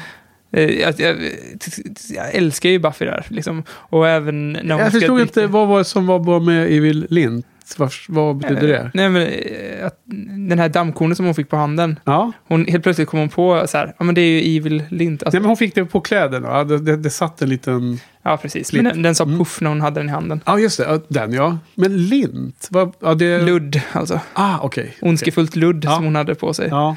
Och hon, hon såg så himla nöjd ut över att komma på det uttrycket. Eh, Och sen när hon drack. Alltså, det, ja, men det är så mycket roligt. Hon är ju ofantligt rolig. Eh, Sarah, Sarah Michelle Gellar är ju eh, excellerar, excellerar i det här avsnittet, tycker jag. Ja, Och, jag menar, och de klipper så här roligt också. Jag menar, när hon är med Sander på bygget då. Mm. Och så har vi hela den där, ja men du är bara en tjej och du kan inte göra någonting. Och så bär hon den här tyngsta, tunga, Ja, det var- vad heter det? Oväntad humor. i, i balken. Ja, men det, var, det var ju given scen, men då, då fick, hon, fick hon cred och så. Då. Men, men sen så säger hon någonting, ja men vad tur att jag fick chans att få jobba här ungefär, säger hon. För att, eh, att jobba med sig, eh, försäljning är ju inte alls min grej. Och sen så klipper de ju så jobbar hon med sales där då. Liksom. Mm. För att då har hon fått, fick hon sparken och så blir det ju sales och allt det där. Så det är mycket humor runt det här, hennes fish out of water problematik Mm. liksom. Hon är Det kändes ute- också som det påminde, det här avsnittet påminde väldigt mycket om eh, community på det sättet att det var väldigt mycket populärkulturella referenser. Ja. Många som jag inte plockade, som jag så här, det här måste vara från något, det måste jag googla liksom. Ja, ja. Så jag googlade rätt mycket. Och, eh, men det är ju på inget sätt lika briljant som community, vilket också gjorde att man blir så här besviken på det lite grann. det här. Ja, Men man blir besviken på att community blev så dåligt andra halvan av säsongerna. Att de inte ja kunde det är ju en behålla. helt annan fråga. Ja, det är en annan fråga. Ja, sen så är ju slutet så himla roligt. Eh, när hon spelar full så är det jättelustigt. Och det, det finns någon scen bland annat när hon... Den, den, den, den sista demonen hon fightas mot ute på gatan det är ju eh, Jonathan Förställd, va? Är det väl? Det är Mm. väl hans, eh, hans tur att göra. Nej, det var nog inte Jonathan va? Ja, men det är någon av dem i alla Ja, fall. den som andra. Är, är det Andrew kanske då? Den andra ny- mörkhåriga. Den nya. Nej. det, Warren. Den tredje. Ja, vem, Ja. vem det nu än var. Det är någon som är Det kanske var disguised, i alla fall som Ja. det står på wikin, upp till en demon. Men hon är ju så berusad så att hon missar ju första slaget när hon sparkar eller det är, så blir en luftslag. Och så Ja. ramlar hon ju ner på backen. Ja. Och där är hon så himla, hon är så himla full så hon liksom, hela liksom kroppen åker mer i rörelse. Hon kan inte hålla emot riktigt liksom. Ja, det är svårt att beskriva men det är så himla bra spelat av henne. Ja. Eh, hon kan ju knappast vara berusad när hon spelar in det. Så hon måste ju spela detta. Ja, alltså. hon är ju bättre här på att spela berusad än i Beer Bad kanske. Ja, precis. Stackars Johan som såg det igår. Men han kom ju hit sen också någon gång. Nej, men så, eh, det, här, det här avsnittet växte på mig rejält tyckte jag. Och eh, eh, måndag hela veckan-skämtet där. Hon ska... Utmaningen är att göra kunden nöjd fast det går inte eller vad det är. Va? Och hon ska eh, sälja den här uh, mumiehandeln som, Ja. som är evil och ska hela tiden strypa någon och sådär. Ah, jätteroligt alltså. Det kan man tycka. Nej, inte? Gillar inte det här eller? Nej, nej, nej. Det är sämsta avsnittet idag. är det så? Eh, Nej, nästa avsnitt är nog sämre. Jaha. Okej, så det har trappat neråt. Var det du sa också i Ja. början. Ja. Ja. Tripp, trapp, trull. Okej, ja, jag tyckte nog att det här var det roligaste i alla fall. Eh, det är klart att det är lite så här eh, blandad humor. Willow har något eh, lustigt eh, ut, uttalande där om när de ska välja kycklingbitar precis i början. Att hon gillar eh, kycklingbröst med breast girl Mycket myself. pubertal humor i det här Ja. avsnittet. Som vi säger, Magic Bone och eh, bögfobi och porrkanaler och djävulskap. Ja, och du gillar inte sånt eller? Nej, men jo, abs- absolut. Men eh, jag, jag känner så här, Joss ska vara på oss nördarnas sida. Ja. Inte liksom förstärka de här stereotyperna. Och jag, tyck, jag tycker inte ens att man ska få kalla sig nörd om man är ett fan av James Bond och Star Wars, de största franchiserna på Ja. jorden. Nej, precis. Bond-referensen har jag också skrivit upp här såklart. Connery is Bond. He had style. Yeah, Roger Moore was funny. Moonraker? The gondola turns into a hovercraft? It's retarded. Besides, the guy had, like, no edge. Dalton had edge. In License to Kill, he was a rogue agent. Eh, för det var här de höll på att snacka om vilket som var bäst Bond-skådis va? Ja, men det hade varit, det hade varit kul ifall de här karaktärerna hade lite djup och visade... Var, var, precis, men, ja, men det är en bra spaning. Jag tänkte inte så långt på det, men det är en jätteintressant spaning. Men jag tänker direkt nu, kan det vara så att om vi går tillbaks till 2000, eh, vad är det nu då, ett eller två det här gick, eh, två kanske, då, då var det liksom inte riktigt accepterat att vara nörd. Så för dem är det kanske för stort steg för showen att visa nördar och dessutom drilla ner i något jättenördigt smalt område. Så det kanske är ste- ett ste- stort steg nog att bara lyfta nörden. Men då är det Star Wars och Bond som är det, det liksom, som går att sälja in. Sen dess har vi haft Big Bang, Bang Theory som jag har för mig att man läste om när den var ny. Att den serien var lite så här suspekt för att det ska vara en komediserie som handlar om eh, eh, forskarnördar. Liksom, kommer det verkligen funka? Och så har ju den slagit igenom ganska ordentligt kan man ju Ja. säga. Jo, men den, jag tycker den lider av samma problem. Liksom. Det är, Nej, men för, för som jag tolkar det Johan, är det korrekt att du menar att eh, mer lyfta nörd, nörderiet och låta dem vara nördar men kanske typ superintresserade av något smalt animeområde eller liksom annan smalt så att de ska ha lite mer cred inom nörderiet? Är det det du menar att du skulle vilja se? eh, det är ju precis raka motsatsen. att Ju smalare det är, desto mindre cred är det ju egentligen. Om man tycker om Star Wars, då är man väl accepterad av de flesta. Liksom. Nej, men jag det är väl nej. ingen som blivit mobbad i högstadiet för att de gillar Star Wars. Nej, men du, du sa så att du, du ville att jag skulle vara på nördarnas sida och, Ja. och nu var det trist att de var så mainstream. Nej, nörderi. att de hamrar in en stereotyp som, som, som är, kanske finns, men som är... Ja. Men jag tolkar också som att du tyckte att eh, Bond och Star Wars var lite för vanligt liksom. För att det skulle bli som en riktig spets i nörderiet. Ja, det kanske är jag som, som tolkar nörd på ett annat sätt. Ja. Jag, jag tänker att nörd är ju inte en sån som tycker som alla andra. Liksom. Nej. nej. Nörd kallar man inte någon som älskar att baka jättemycket eller älskar att titta på Star Wars eller så här, de helt vanliga Ja. saker som alla gillar. Liksom. Ja. Utan nörd är Nej, men när man nördar in sig på något som är, ämne som är ovanligt. Ja, och hade man gjort den här scenen idag då hade man antagligen valt andra referenser än Bond och Star Wars. Tror du inte det? För att nörden som sådan har en, en, en, annan, har en större upprättelse idag än vad det var för 15 år sedan kanske. Jo, det är mycket möjligt. Det var liksom den... Eh, jag hakade vid i dina tankar där och tänkte vidare liksom. Att det spekulerade om det kunde vara, Mm. vara något sånt. Eh, men jag håller med. Det är klart att det har varit... Nu får vi se hur det här utvecklas och hur den här... Hur de, vad de gör av nördetrion. Men nu har det liksom tenderat att vara lite pajigt nu de har introducerats då. då. Mm. Vi får väl se hur de vidare utvecklar och behandlar dem. Alltså jag, jag eh, lyssnar ju på, det var någon podcast som jag lyssnade på, där de sa att det var The Big Bad. Jag tänkte, när jag såg första gången, så då kändes det som att det var en snitt, avsnittsgrej. Andra gången, andra avsnittet, det här avsnittet, så kände jag bara det inte är Big Bad. Och sen så sa de att det var Big Bad, så jag, jag hoppas att det finns någon mer Big Bad än de, den här trion. Mm. Jag är inte jättesugen på att se en säsong med de här nördarna, Nej. tyvärr. Nej. Nej. Du kanske kommer sitta och längta tillbaka till Glory snart. ja. Ja. Eh, nej men så det... Avsnittet har en, en konstig mix av mörker i Buffys person fortfarande och det här Lattjo Lajbans i trion. Och den gjorde att jag, jag togs på en liten miniresa under 42 minuters tittande. Där jag liksom gick från att jag inte tyckte att det var en bra tonalitet i avsnittet. För att vara här i början av säsong 6. Till att jag verkligen blev eh, helt såld på avsnittet. Skulle vi till exempel ha sett ett avsnitt innan poddningen som vi inte hann idag. Då, då hade jag ju föreslagit att det här avsnittet är det som har mest humorscener och mest roliga eh, små sekvenser. Liksom. Alla de här eh, testen som hon utsätts för är jätteroliga var för sig. Tycker jag. De mynnar ju inte ut i någonting. Eh, ja, de hade kunnat göra det som... Klagar du på att jag inte kan prata i micken Ja, du, din mix är ju, är ju vänd mot din axel. nu? Du, du ska inte klaga på mig. Nej, nej, men lät det dåligt förra gången också eller? Gjorde jag det? Jag? Låt jag lät jag dålig förra gången också eller? Nej, men, eh, men du brukar ju sitta och kolla ner. Ja, jag är dålig på det. Men det var därför jag vill bara hjälpa till. Jag vill bara ja. peka Nej, men det är på bra. micken. Det är bra. Det var ingen kritik så.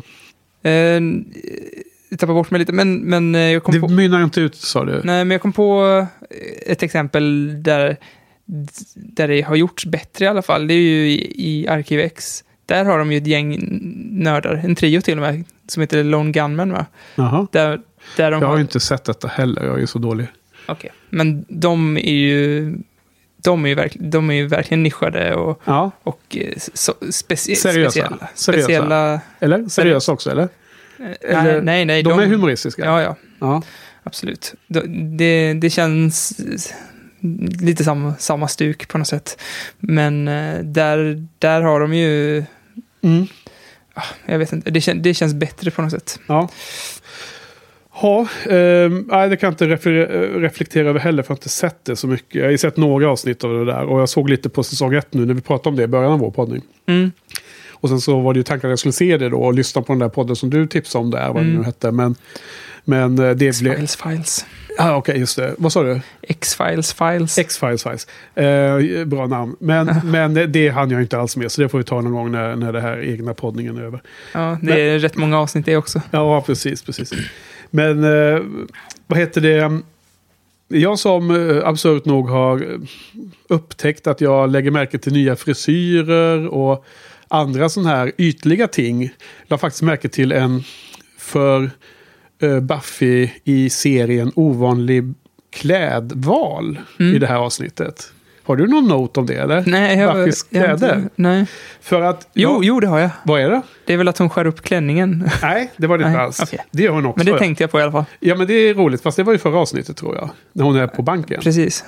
Så hon har sån här, eh, den där fina kjolen som ska vara, vara liksom, vad heter det, se proper ut. Och så kan Ja. hon inte eh, sparka. Nej, alltså jag, när hon jobbade med Sander på bygget så har hon ju jeans. Ja. Och jag bara tänkte, men fast hon har ju aldrig jeans på sig. Hon har ju sina lö, eh, röda läderbyxor som verkar dåligt val när man är ute och patrullerar. Men det har hon ju ofta. Mm. Du vet de som hon brukar ha. ja, eller rosa ibland då. Ja, det kanske är också. Det är lite olika. Men det är några vinröda som jag tänker Ja. mig i huvudet i alla fall. Som har sett. Men här har hon ett par helt vanliga jeans. Alltså för det första ser hon ju superläcker ut i dem. Så det var ju bara pang, pang, jättebra. 10 och 10. Men, Pangs. eh, och jag bara tänkte, vad fasen, det här brukar hon inte ha på sig. Och sen senare så eh, har hon någon klänning på sig. Och jag, bara, jag tycker att det är hennes vanliga, liksom, eller någon lång kjol med en blus och så, eller en klänning. Hon ser liksom, jag vet inte riktigt varför de valt det. Alltså det är inte så att det är speciellt... Jag tycker hon ser lite äldre ut än vad hon ska spela när hon har de där vanliga kläderna på sig. När jag tänkte på det. Jag tyckte hon såg mycket ungdomligare och mycket... Det, det kändes mycket modernare när hon hade de här jeansen på sig. Lite som Harry Potter när de har på sig sina vardagskläder i skolan. De kändes som också lite ungdomligare då. Ja, Fast de är ju och för sig äldre då, när de har vanliga kläder på sig. Eh, vänta. Ja, i, slut, i de sista böckerna, filmerna, så har de vanliga kläder på sig. Ja. Ja, jag vet inte hur det är i böckerna, men i filmerna i alla fall. Alltså, det enda jag tänkt på med kläder med Harry Potter, det är ju den där eh, epilogscenen i sista filmen. Ja. 19 år senare. När de är vuxna och har barn. Och de Ja. kommer, eh, alltså sista scenen som kommer. ja, jag vet vilken. Där har de ju kläds, klädd sig som om de vore en gubbe och tant. Fast de ska vara 30 år ungefär. Mm. Eller de ska vara 35 eller vad det blir. Eh, som inte alls stämmer. De, de, liksom, de ser ut som de är 55 och liksom... Och, Hermione och, och, och Ginny har liksom jättekonstiga kläder på sig. Så det är väldigt tantigt ut. Det är liksom ett väldigt dåligt val där tycker jag. Det är för övrigt där precis i den scenen som den nya boken börjar. Den, den teaterpjäsen som finns i bokform. Eh, börjar ju från med den scenen tydligen. Jag fick ju den boken av Patrik men jag har inte läst den än. Jag måste ta, ta, ta, ta mig för detta att sätta mig och läsa. Nu får du hejda synapserna lite. Va? Vad sa du? Nu får du hejda synapserna Ja, lite. ja, just det. Mm. Nej men eh, det var Buffys eh, jeans. Ja. Eh, ja. Mm. Men då lyfter jag också. Jag tycker sånt är kul och så. Det, alltså, det är inte så att man sitter aktivt och tittar efter. Men när de poppar upp i ögat och man ser förändringen. Eh, ser något nytt. Och liksom hjärnan registrerar att nu är det en ny. Det, är som ett mönster som har ändrat sig plötsligt. Ah, här finns något nytt. Då så tycker jag det är kul att lägga märke till det. Och Ja. lyfta det.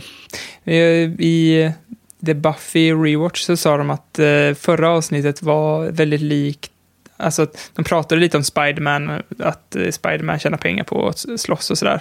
Ja. Men att eh, själva avsnittet var rätt likt ett Spiderman-avsnitt. Där att det kommer demoner på banken och Mm. att de hjälper till liksom där.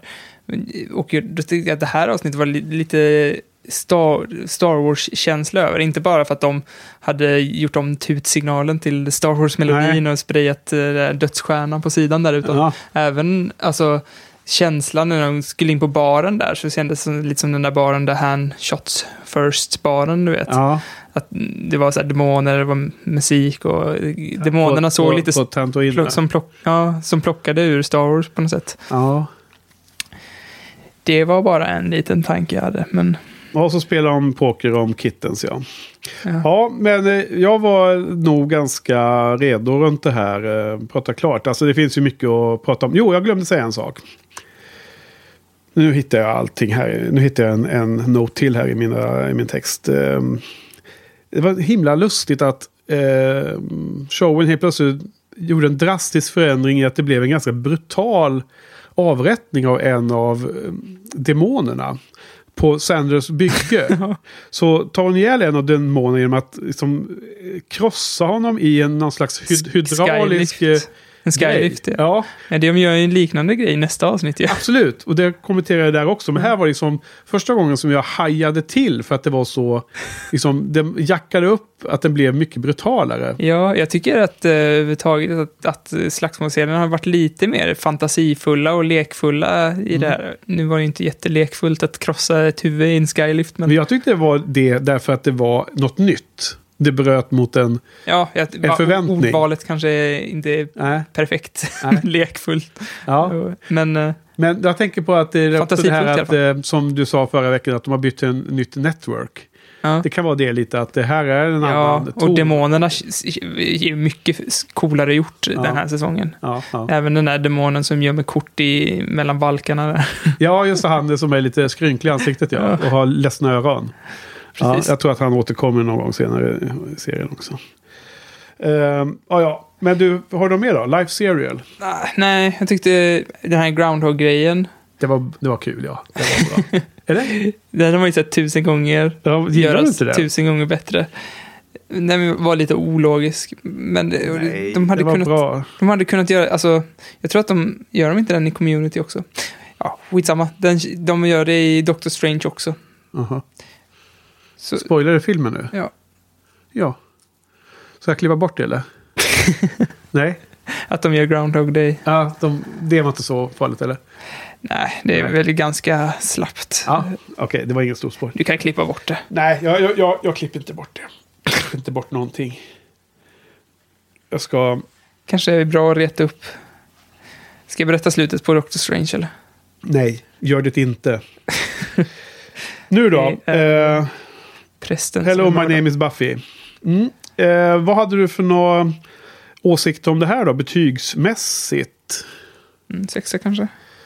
Du kör på sexa. Ja. Jag har ett eh, stort frågetecken först. Och sen så skrev jag det förbryllande bra tyckte jag. Jag tyckte att det var överraskande bra som jag nämnde tidigare. Eftersom jag reagerade liksom som att det var eh, lite sämre i början tyckte jag. Och sen så blev jag bara mer och mer förtjust. Så jag, jag har sett 8 av 10 på den här. Oj, Jag tyckte det var bra. det var rejält. Ja, det var det. Ja, är du, är, var, det, var det alldeles om det här avsnittet? Vi känner oss nöjda. Då tar vi och går vidare med kvällens tredje och sista avsnitt som då heter All the way. Hey, everybody. Can I, um. Uh. There's something Anya and I want to tell you. Now? Now. We're getting married. Oh my god. Congratulations. That. That's. Wow. It's a big wow. I, I thought you were waiting for the right moment. I did. Det sjätte avsnittet på säsong 6 heter All the way. Och eh, nu skulle jag få säga synopsis här eh, för Johan. Så att nu ska jag köra en mina korta eh, ögonblicksbilder från avsnittet. Vi får se om du lyckas. Ja, vi får se om, du, om ni, ni fattar någonting. Så här har jag skrivit. Sander berättar om förlovningen med Anja. Det är Halloween. Dawn är ute och ränner med en kompis. De hookar upp med två killar som råkar vara vampyrer. Dawn döstar Justin. Eh, Buffy lämnar över ansvaret att prata med Dawn på Mr. Giles. Tara och Willow bråkar om användningen av magi igen. Och Willow kastar en spel på Tara när de ska gå och lägga sig. Ja, That's it.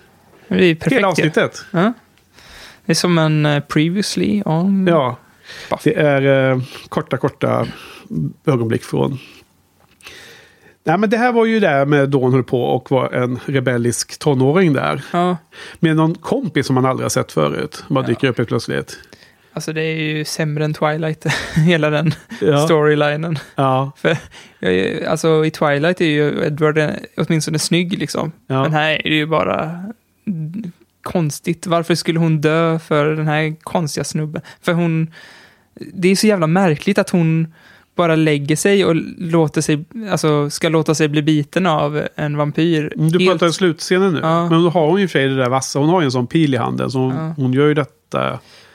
Tror du att hon... Var, har var det hon- inte två gånger som hon... Ja, alltså först är det väl i bilen som de kysses. Och då så blir han ju... Ja, Så blir han det- blir um, gameface on. ja, så blir hon upptryckt mot ett träd och då ser det ut som hon ger upp va? och då kommer Ja. Giles och knockar och blir knockad. Ja. Ja. Men, och Giles är ju helt badass. Alltså jag gillar ju, jag tycker det är coolt att se Giles vara badass, The Ripper liksom. Men han har ju inga, han har ju inga, liksom, hon, han har inga superkrafter. Nej. Han borde ju inte vara sådär stark. Nej, men han har erfarenhet och han har en auktoritet i det. Så att jag, Mm. jag kan köpa att han liksom klarar sig en viss tag in i en sån där fight. Mm. Men, men sen när han blir helt omringad, då är han ju förlorad där. Men då lyckligtvis dyker ju Buffy och Spike upp. Också helt ologiskt att det var en massa vampyrer där helt plötsligt. Ja, som Justin och de hade med sig på något vänster. Ja. Ja. Som, så, man, det enda man kan tänka sig är att de åker med bilen dit och de vet att de har sina vampyrpolare. För till att börja med så är det ju halloween. Så att då är det ju känt att alla demoner tar det lugnt för att de tycker det är jobbigt när alla barnen... Eller? Ja, men, nej, men det, det är ju o, det är oklart exakt varför, men det är ju uttalat om och om igen att demonerna tar semester på halloween. Giles säger det. Ja, Att han aldrig lär sig, att det aldrig, det har aldrig hänt att det är lugnt på halloween. nej precis. Men därför är det ju också som Baff säger, ja men om, om man blir omvandlad till den dräkten man är som är i avsnittet halloween i tvåan och så vidare. Men här är de, säger de ju uttryckligen, de här Justin och hans polare, att de skiter i den regeln. Ja. Så det är ju liksom överraskningen i det här avsnittet är att de här vampyrerna faktiskt ändå är ute och jagar på halloween. Kan det varit att de här vampyrerna skulle stoppa dem från att jaga? Nej. Nej, nej, de, de säger vi skiter i det. Vi, är liksom, vi går emot den regeln, säger de någonting liknande. Ja, de är tuffa så. Ja, jag vet inte, men jag tycker också den att... Jag vet inte hur... Nu har vi inte lärt oss jättemycket av Dawns moral och sånt. Man har ju sett ett antal gånger att hon har stulit från Magic Box. Det ingår ju bland annat i början av det här avsnittet. För det inleds ju... Det är halloween och det, det, de säljer ju mycket. De har massor med kunder. Anja åker omkring som en Charlies, Charlies Angel där på rullskridskor. Och Sander är ju någon... eh, Vad är han? Någon eh, Pirat. pirat va? Mm. Och har någon liten irriterande unge som klagar på sig. Då ser man också att Dawn stjäl ju en Ja. medaljong eller något liknande som hon hittar på golvet. Ja, jag läste någonstans, för det var väl när Dawn var ny, att klepton, för att hon gjorde någon kleptoman-grej ganska tidigt, att det var liksom en foreshadowing av hennes Ja. kleptomani. Okej. Jag hoppas inte mynna ut i det här avsnittet, för det är dålig foreshadowing. Nej, precis. det- Om, det, Ta det vidare. om du tar det vidare. Men så man har ju sett att hon har varit lite så. Men sen så tyckte jag att det var ganska stort steg att hon bara tyckte att det var helt okej att de de gick omkring och slog sönder saker och de var inne och... Den här gamla mannen då som hade ett rykte om sig men som var snäll visade det ju sig. Ja. Fast han blev ju dödad Det av var en sån klassisk, som i första avsnittet. Ja, Dock så, just exakt det var ju precis gjort, så att det var ju lite tråkigt, men ja. Eh, Du genomskådade det direkt eller? nej, nej, nej, Nej. det gjorde jag inte. För det kändes nästan, liksom, för uppenbart. Ja. Jag vet inte. Jo men det var ett sånt eh, farligt hus och man vågade inte gå dit och det var... Eh, påminner mig lite om den här underbara svenska kortfilmen eh, Kan du vissla Johanna? Den som de visar på julafton hela tiden. Alltid Ulf Starks historia. Eh, där det finns också en, en villa med en elak man i. Som man är rädd för, de här barnen som det handlar om. Mm. Väldigt liknande sån scen. Det finns ju många, det finns ju många sådana. Mm. Ja, men sen då att han liksom... Okej, de andra vet inte om att han dödar den gamla mannen. För Justin är ju inne i köket med honom själv när han Ja. biter honom. Men han, de andra får ju veta att han har rånat honom. Han säger, jag har snott hans pengar här. Ja. Och Dawn får ju till och med en del av de pengarna av Justin. Så hon är verkligen eh, en liten ligist. Eh, Ja, jag känner att de hade kunnat göra det här avsnittet jätteintressant. Om, om man hade sett liksom att Dawn kanske i någon scen när de inte tittar såg lite Ja. orolig ut. Så här, nu, har jag, nu, går, nu passerar jag en gräns här Ja. som jag inte är riktigt beredd på att göra. Men, Ja, om de hade ge- gett henne någon form av tankeförmåga att Ja. reflektera över det hon höll på med. För nu, nu känner jag, efter det här avsnittet känner jag så här.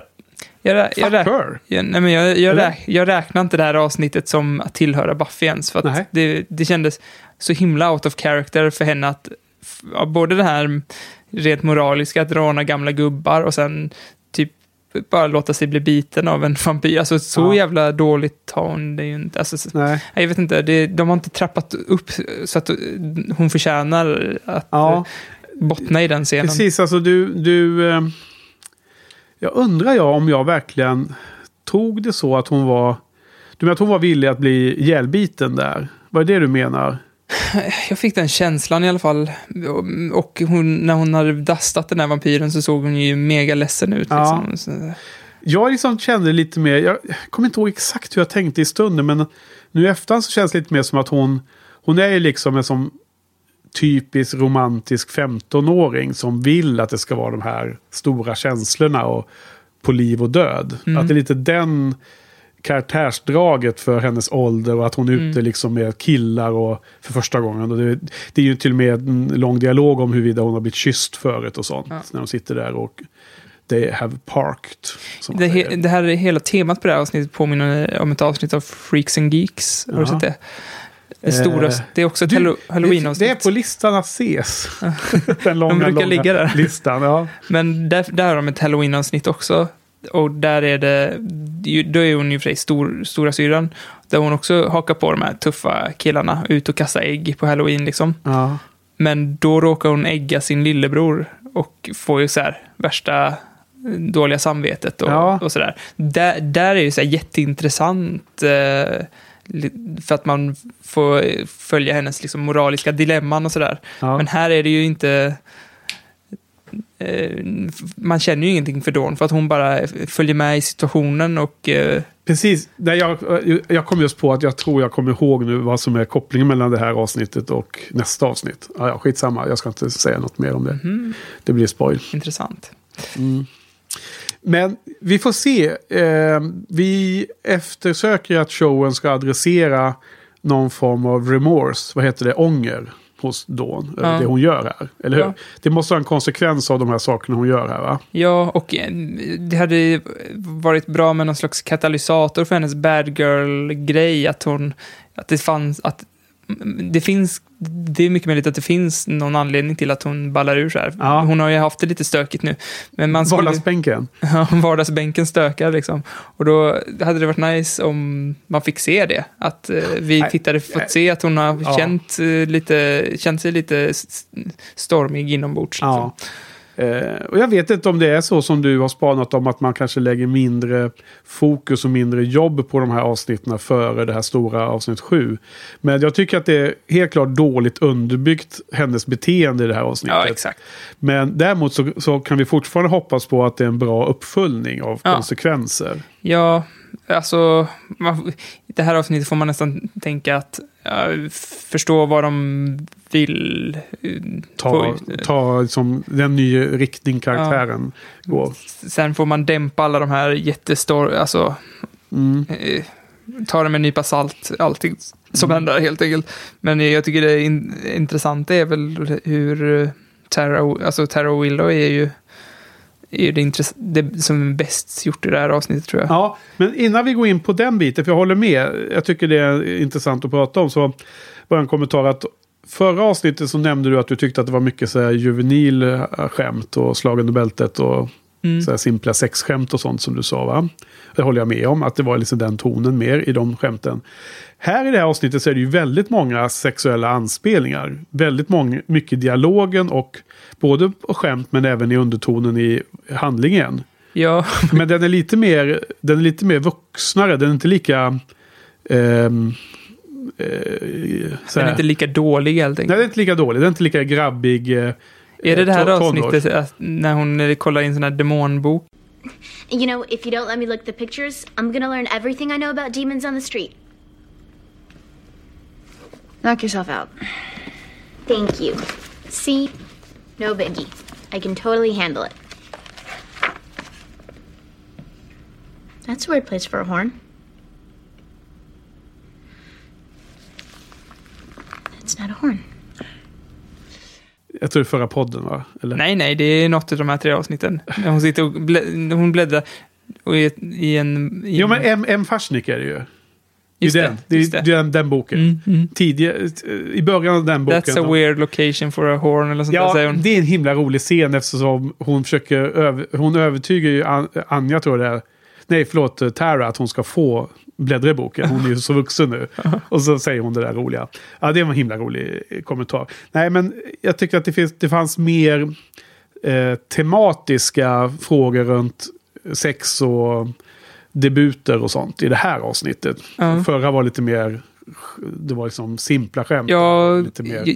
jag tror, alltså, jag har med det också. Jag kommer inte på något exempel nu i huvudet. Ja, men det finns flera här. Ehm, ehm, Tara säger någonting, en kommentar angående Anja och, San, och Sander håller på och skojar om eh, Shiver Me Timbers och sånt. Och så säger Anja någon rolig eh, follow-up på den. Och, I'm not a timber girl. I'm not a ja, breast girl. hon gillar inte Timbers liksom, säger hon. I, I, I never been... Ja, precis. Och sen har vi liksom Spike, eh, träffar ju på Buffy där nere i källaren eller vad det är. Och så, så vill jag eh, säga någonting och, och Buffy tror ju att Spike frågar om de ska liksom typ hoppa i säng ihop. Ja. Men då vill han bara fråga om de ska ut och patrullera.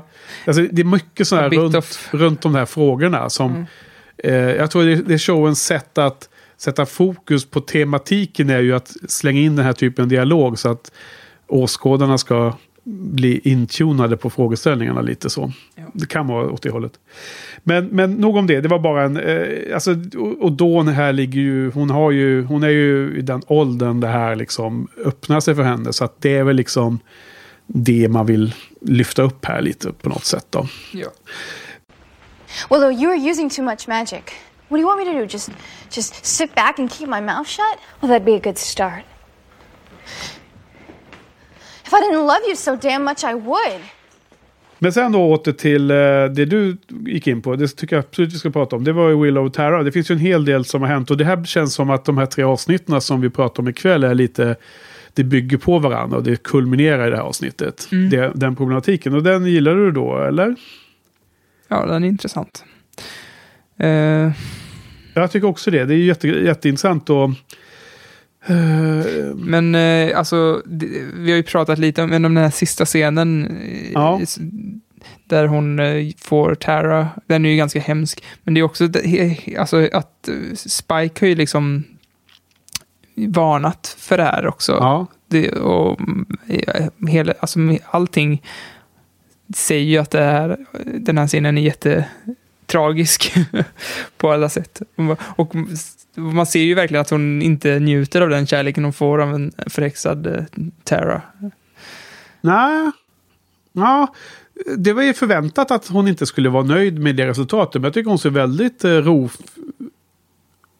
ut och nöjd med att, att Tara vill eh, liksom, eh, vad heter mysa och komma nära och cuddle eller, vad de kallar det. Jag, jag fick käns- den här känslan som eh, de beskriver i Alex och Sigges, eh, har gjort det många gånger i slutet av mandomsprovet, att, Ja, att man liksom ser sorgen. ja, och tveksamheten. Exakt den, den, jag förstod.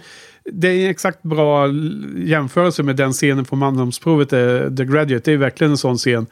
Eh, eh, men jag trodde att det skulle bli så, men det kändes som att när jag såg det, det är nästan så att det är värt att kolla om på den sista, sista, det är ju bara sista sekunderna, men när hon har fått Tara att glömma allt och hon liksom dubbel, hon dubbelkollar ju till och med Tara liksom, så här, "Är du är inte arg nu då? Ja, vad skulle vara det, säger hon ju då liksom. Och mm, svarar på alltså att Willow är helt säker på att hon har helt glömt av det här grälet. Och så tycker jag att det ser ut som att Willow liksom lägger sig till rätta och ser jättenöjd ut liksom. Men det är som jag kommer ihåg det. Ja, eh, om jag har misstolkat den och läst in det och det är så att hon blivit nöjd av det Ja. så tycker jag att det Det är är ännu dåligt. värre va?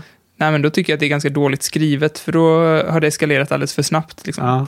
Jag tycker att hon ska för då känna hon- lite ånger åtminstone. ja, precis. För då har hon gått ännu, då har hon som längre in i fördärvet. Ja. Om, om hon bevisar. Då, det, då är det på gräns till, till Riley dåligt, liksom. Att det bara eskalerar helt utan anledning alldeles för snabbt. Ja. Utan Ja. det här tveksamheten måste finnas där eh, innan det går käpprätt. Mm. Men vi får hoppas att eh, den fanns där då. då. Men eh, det är lustigt att man har sådana... Eh, det är lätt att bli lurad av sina minnen. Det är uppenbart när man sitter och dissekerar en serie som vi gör. Mm. Ibland så har man liksom förs- förställt sig vissa saker. och det där är ett ganska intressant ämne i sig. Jag vet inte varför det blir så. Men dels är det ju svårt att komma ihåg saker och ting precis exakt. Mm. Eh, men, men, men det måste också ha att göra med lite hur observant eller hur alert eller hur om man är trött den kvällen eller vad, sådana faktorer. Jo, och det, där märker man ju också hur viktigt eh, skådespelarens jobb är i att förmedla, alltså bara det minsta twitch i hennes ansikte kan förmedla helt olika signaler. Liksom. Ja. Men sen också kanske att förväntningarna från oss som åskådare vä- väger in. Därför att Ja.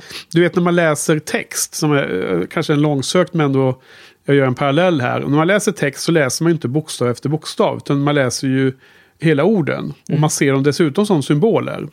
Så att om du har en text där bara första och sista bokstaven är på rätt plats men bokstäverna emellan är fel. Då kan du ändå läsa av den meningen mycket enklare än vad man skulle kunna tänka sig. Om man bara läser bokstav efter bokstav och försöker bilda ord av det. Alltså man har flyttat om ordningen. Ja. Det är sånt där eh, test man kan göra som är liksom lite Ja. kul att upptäcka. Ja, och dessutom om, om man klarar det testet och delar det på Facebook så kommer man ju få mycket pengar. Däremot om man inte gör det så kommer jag... Men det, det där är inte, ja, det är inte en sån skam. Det, det där är ju på riktigt att du Ja, kan ju ja. läsa. Jo, du men- förstår ju orden. Jo, absolut. Och Men det är dessutom... bara, bara för att du, du, du fyller i i huvudet på något sätt de här bilderna liksom. Mm. Och det kan jag tror att man kan se i en tv-serie på samma sätt. Mm. Du ser en scen och då, då förväntar du dig att slutet ska bli på det här sättet. För du har redan liksom förstått det. Mm. Och sen om det inte blir riktigt så så kanske du ändå liksom tänker bort det. Jag vet inte, jag bara spekulerar nu. Det... Eftersom vi har uppfattat kanske den här sista scenen lite, lite skillnad. Men att den lilla skillnaden i det här fallet har en ganska stor betydelse hur man ska Mm. tolka hela scenen. Absolut. Jo, jag håller med till 100 procent. Ja. Och jag jävlades bara när jag sa så. Jag, jag, Men alltså, jag, det vore ju nästan kul. Vi måste nästan göra det innan du drar ikväll. För Mm. jag tror till och med att DVDn ligger kvar. I, det är bara att starta upp och se sista scenen. För jag blir jättenyfiken nu. Uh, hur, hur, hur fasen det var faktiskt. Men eh, för jag håller med om att det, det är en ganska stor skillnad. Och jag, jag tycker, först i, instinktivt så tänkte jag egentligen att det är bättre att Willow ser helt glad ut. Att hon inte ser så här tveksam ut. Därför att då är det liksom som att Ser hon tveksam ut så... Jag, jag förstår vad du menar. De har liksom lite för snabbt tagit henne för långt in i mörkret. ja, det är hockeyklubban upp liksom. Ja. Men jag tänker också att om man inte har tagit sig in i mörkret utan hon är tveksam fortfarande. Då är hon fortfarande liksom... Då har hon inte kommit till den punkt där, där hon är en deep shit. Och jag tänker att det är där kanske showen vill att hon ska vara nu. Så att, ja, det är Ja. lite hur man ser på det. Jo, men absolut, absolut. Men om showen vill att de ska vara där nu så tycker jag att showen gör, eskalerar saker snabbare än vad det ja, borde. kanske. Alltså, man har ändå ganska länge nu sett att Willow har gjort det här och man har blivit påmind av både Mr. Giles och Tara och Spike flera gånger om att Ja, hon gör men fel. bara att göra den här saken mot Sarah är ett jättestort kliv. Att Ja. de, de, de, dessutom inte känna att eh, överhuvudtaget gjort någonting fel, det är, det är alldeles för Mm. Ja. stort kliv. Mm.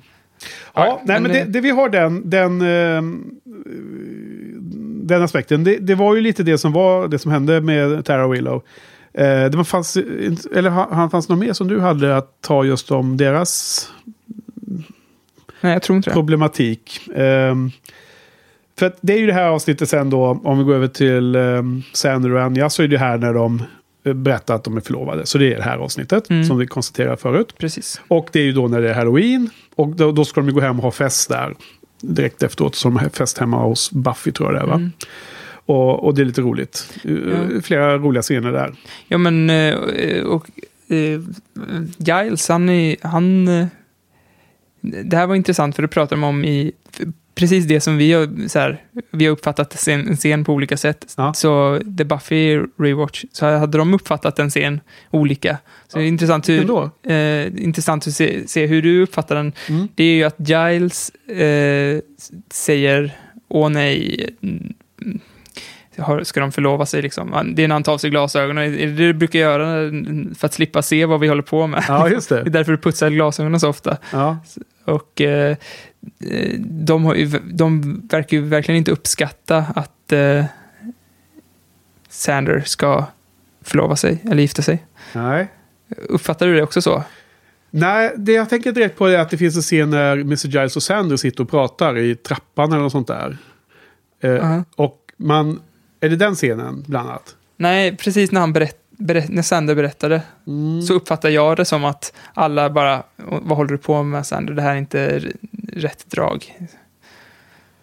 Jag kommer inte ihåg exakt för att det, det är när de är i Magic Box fortfarande. Ja, för i The Buffer Rewatch så, är, så säger de att det, är, det sker en switch där, att de bara har det som en plot device och sen device att, att uh, göra den klassiska Joss-twisten att de visst är glada för, för hans skull.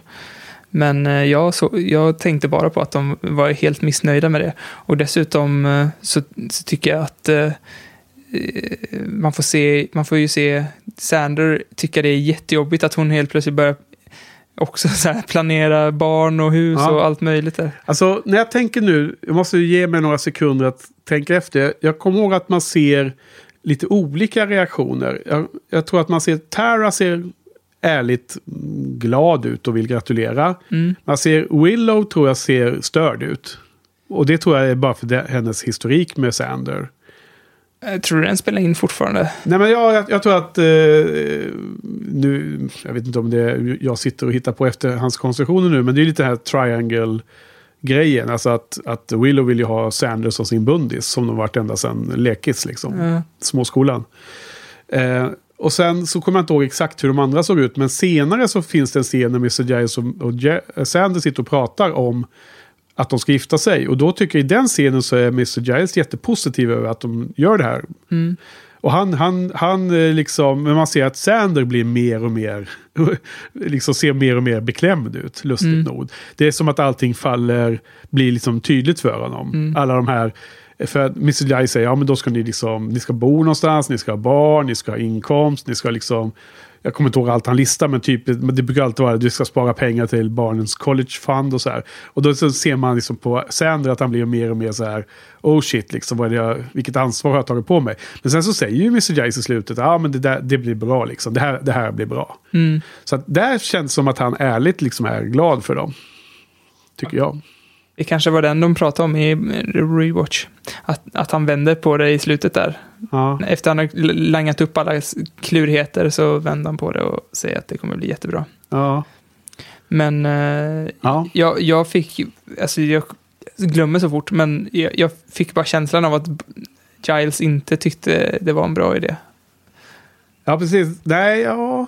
Nej, det måste man också se om faktiskt. Så att man liksom verkligen mer fokuserar på de reaktionerna. Mm. Det var ingenting som jag lyfte upp i alla fall. Det var inte alls på samma sätt som den här sista scenen med, med Tara och Willow.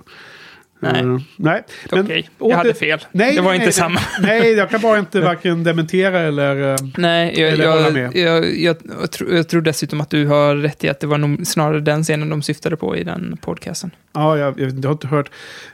Eh, Är, är det den? Lyssnar du på den mer nu? Uh, Ja, Buffy Rewatch? jag vet inte Då ska jag riktigt. pröva den kanske. Jag vill gärna...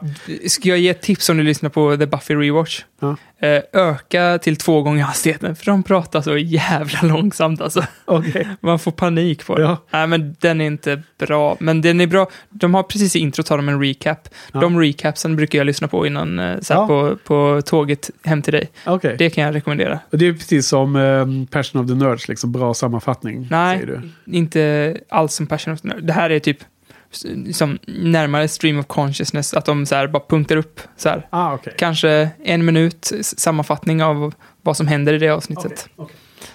Ja, eh, om vi går in på... Jag tror inte att det fanns några stora övergripande stora händelser mer än vad vi har sagt nu, va? Eh, Nej, För det var ju mycket runt det här, hela slutet var ju med den här fighten mot de där eh, vad heter det, vampyrerna och det. Och det var ju liksom, ja, det var ju en grej, det var ju kul. På ett sätt, men det, det, när det gäller relationerna så var det inte så mycket mer. Så att om man går in på de här små uh, kommentarerna som man har med här då. Då, uh, då har vi det här med att det är en ganska brutal avrättning av en vampyr igen med bildörren som, Ja. som Buffy gör. Det, det nämnde du redan förra Lite som avsnittet. eh, Daredevil. Daredevil-avrättning där. Jaha, just det. Det har inte jag heller sett. Den är, den är på kön. Ja, det är, det är väl en spoil. De avrättar en människa på samma sätt. Där. Det verkar äckligt. Eller ja, brutalt. Um, där det är väl det är ju så många som tycker den är bra, men det är han som är blind va? Mm. Och jag bara har väldigt svårt att tänka mig att jag skulle tycka att en serie om en blind person som är en superhjälte skulle vara jättebra.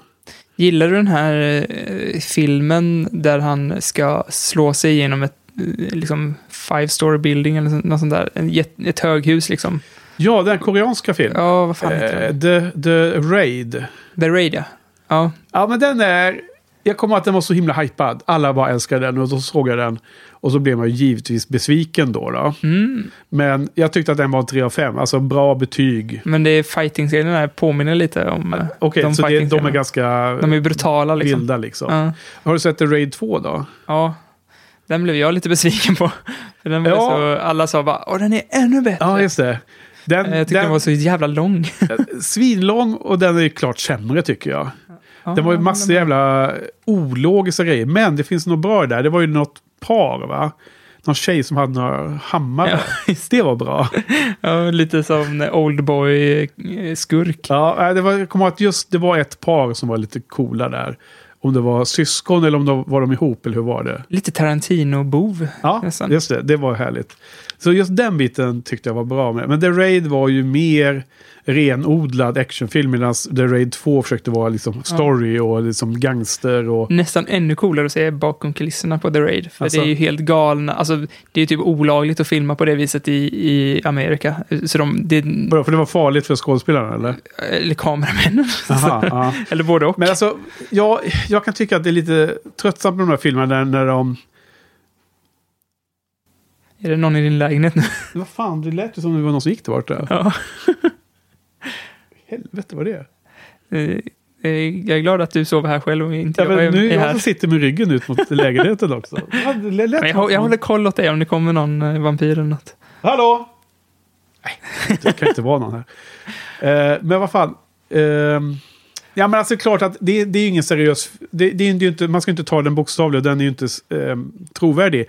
Men jag kan ändå störa mig, även om man så köper att det är sån här fighting, kung fu, eh, martial arts-film. Så är det ändå störande att de liksom kan fighta så länge innan den andra förlorar. Mm. Alltså, för mig tycker jag att ändå, det kan vara så här otroligt eh, akrobatiska fightscener och väldigt brutalt och väldigt bra. Men jag tycker det ska ändå vara lite kortare än vad The Raid har. Jag tycker nästan det är så här, på ett sätt lite bra att det är så överdrivet. För att det är ju, alltså, om man ska, jag skulle hellre så här, antingen göra det så här överdrivet, som i typ samurajfilm eller de här kinesiska liksom, svärdsfilmerna. Ja. Eller gör det rått och äkta, att man, eh, man, man, man går ner i marken med, och man får en sketen Ja, liksom. ja. Exakt, och jag, jag mm, tycker att det, det blir liksom för... Det, det är väl antagligen en trope från de här gamla Hongkong-filmerna att de ska fightas och slåss så länge Ja. som möjligt. Och att man ska klara hur många slag som helst mot huvudet och sådär liksom. Och sparka rakt i huvudet. Så. Men jag tycker att det blir, det blir tråkigt till slut. Så det var det jag kände lite med The Raid. Ja, men det, det känns lite som en eh, dans på ett sätt. Ja, okej. En ballett ja. Ja, för, för lite samma sak som eh, våldtäktsskämten. Antingen så ta det hela vägen, liksom, gå hela vägen, Ja. eller så skit i det. Ja. Gå ner, däcka på en sketen i ansiktet Ja. liksom. Ja, okej. Eh, men här var det i alla fall eh, åter till eh, Buffy-avsnittet. Så. Eh, någon annan liten eh, smågrej jag tänkte säga. Att I den här festen som är så är det liksom en... Så, låter som att Mr. Giles har satt på en låt i bakgrunden.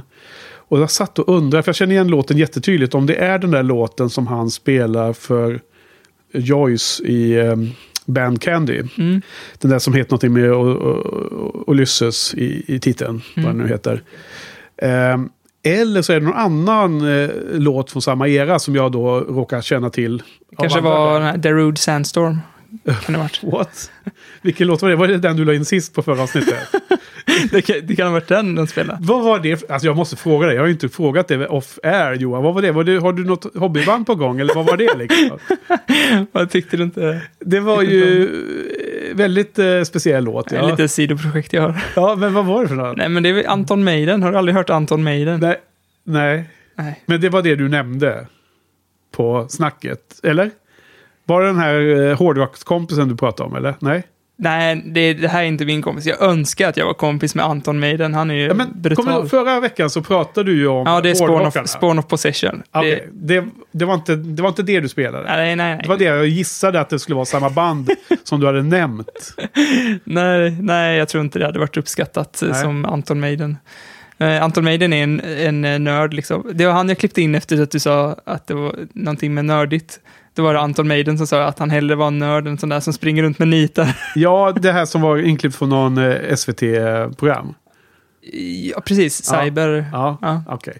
Jaha, så det var han vi fick höra. För det var någon synt, men med någon slags Det metal-sång. Åtta, åtta bitars versioner av Iron Maiden-låtar som han har, eh, Ah. har, har Ja, okej. covers på. Nu börjar det klicka.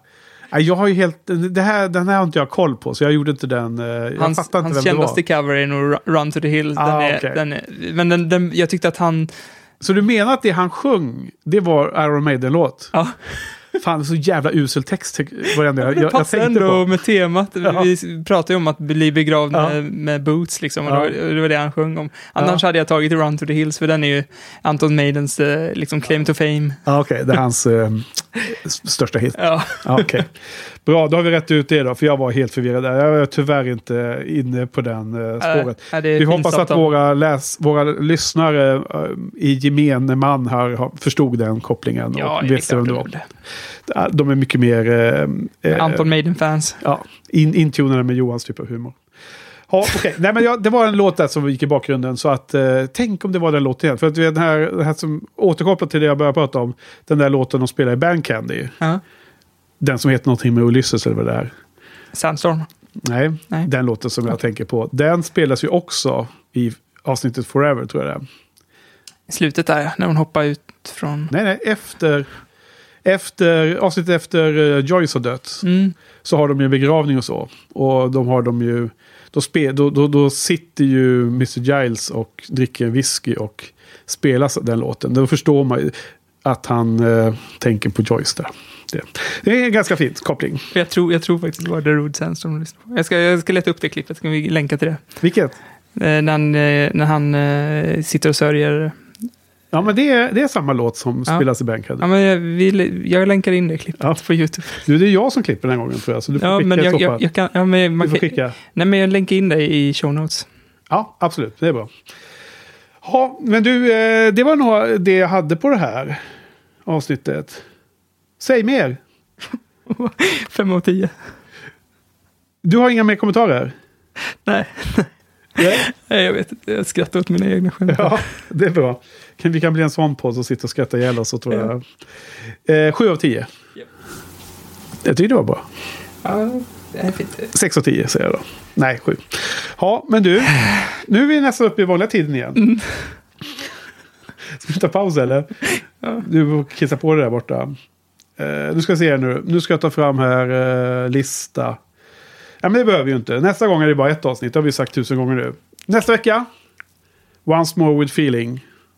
Är du redo? Mm. Sjungt upp dig. Yes. Ja. Våran, eh, eh, vårt kommentartracks som framförs i sång hela nästa podd. Det kommer bli spännande. Ja, och jag är så dålig på att sjunga. Ja, fast vi har ju ändå gått hos sångpedagog Ja. i ett halvår inför det här avsnittet. Ja, framförallt så är jag ju så himla sugen på att få ut hela den här långa texten. Det här materialet som vi har skrivit. Ja, vi kanske skulle bjuda in Anton Maiden till nästa Ja. avsnitt. Och köra musikunderhållning Ja. före och efter. Ja, men det är bra. Vad spännande.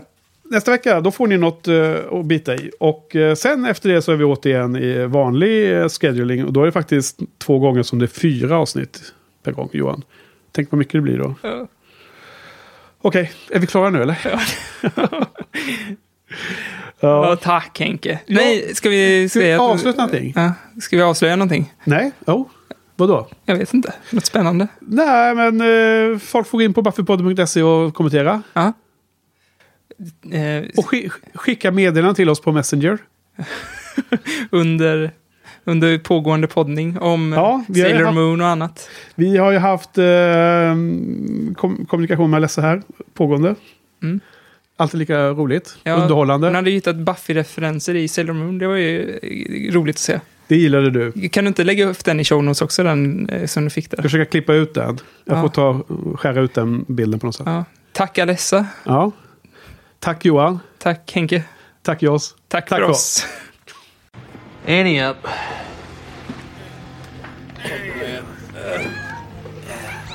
Fine. Uh, I'm in. You play for kittens? So, who's gonna advance me a tiny tabby?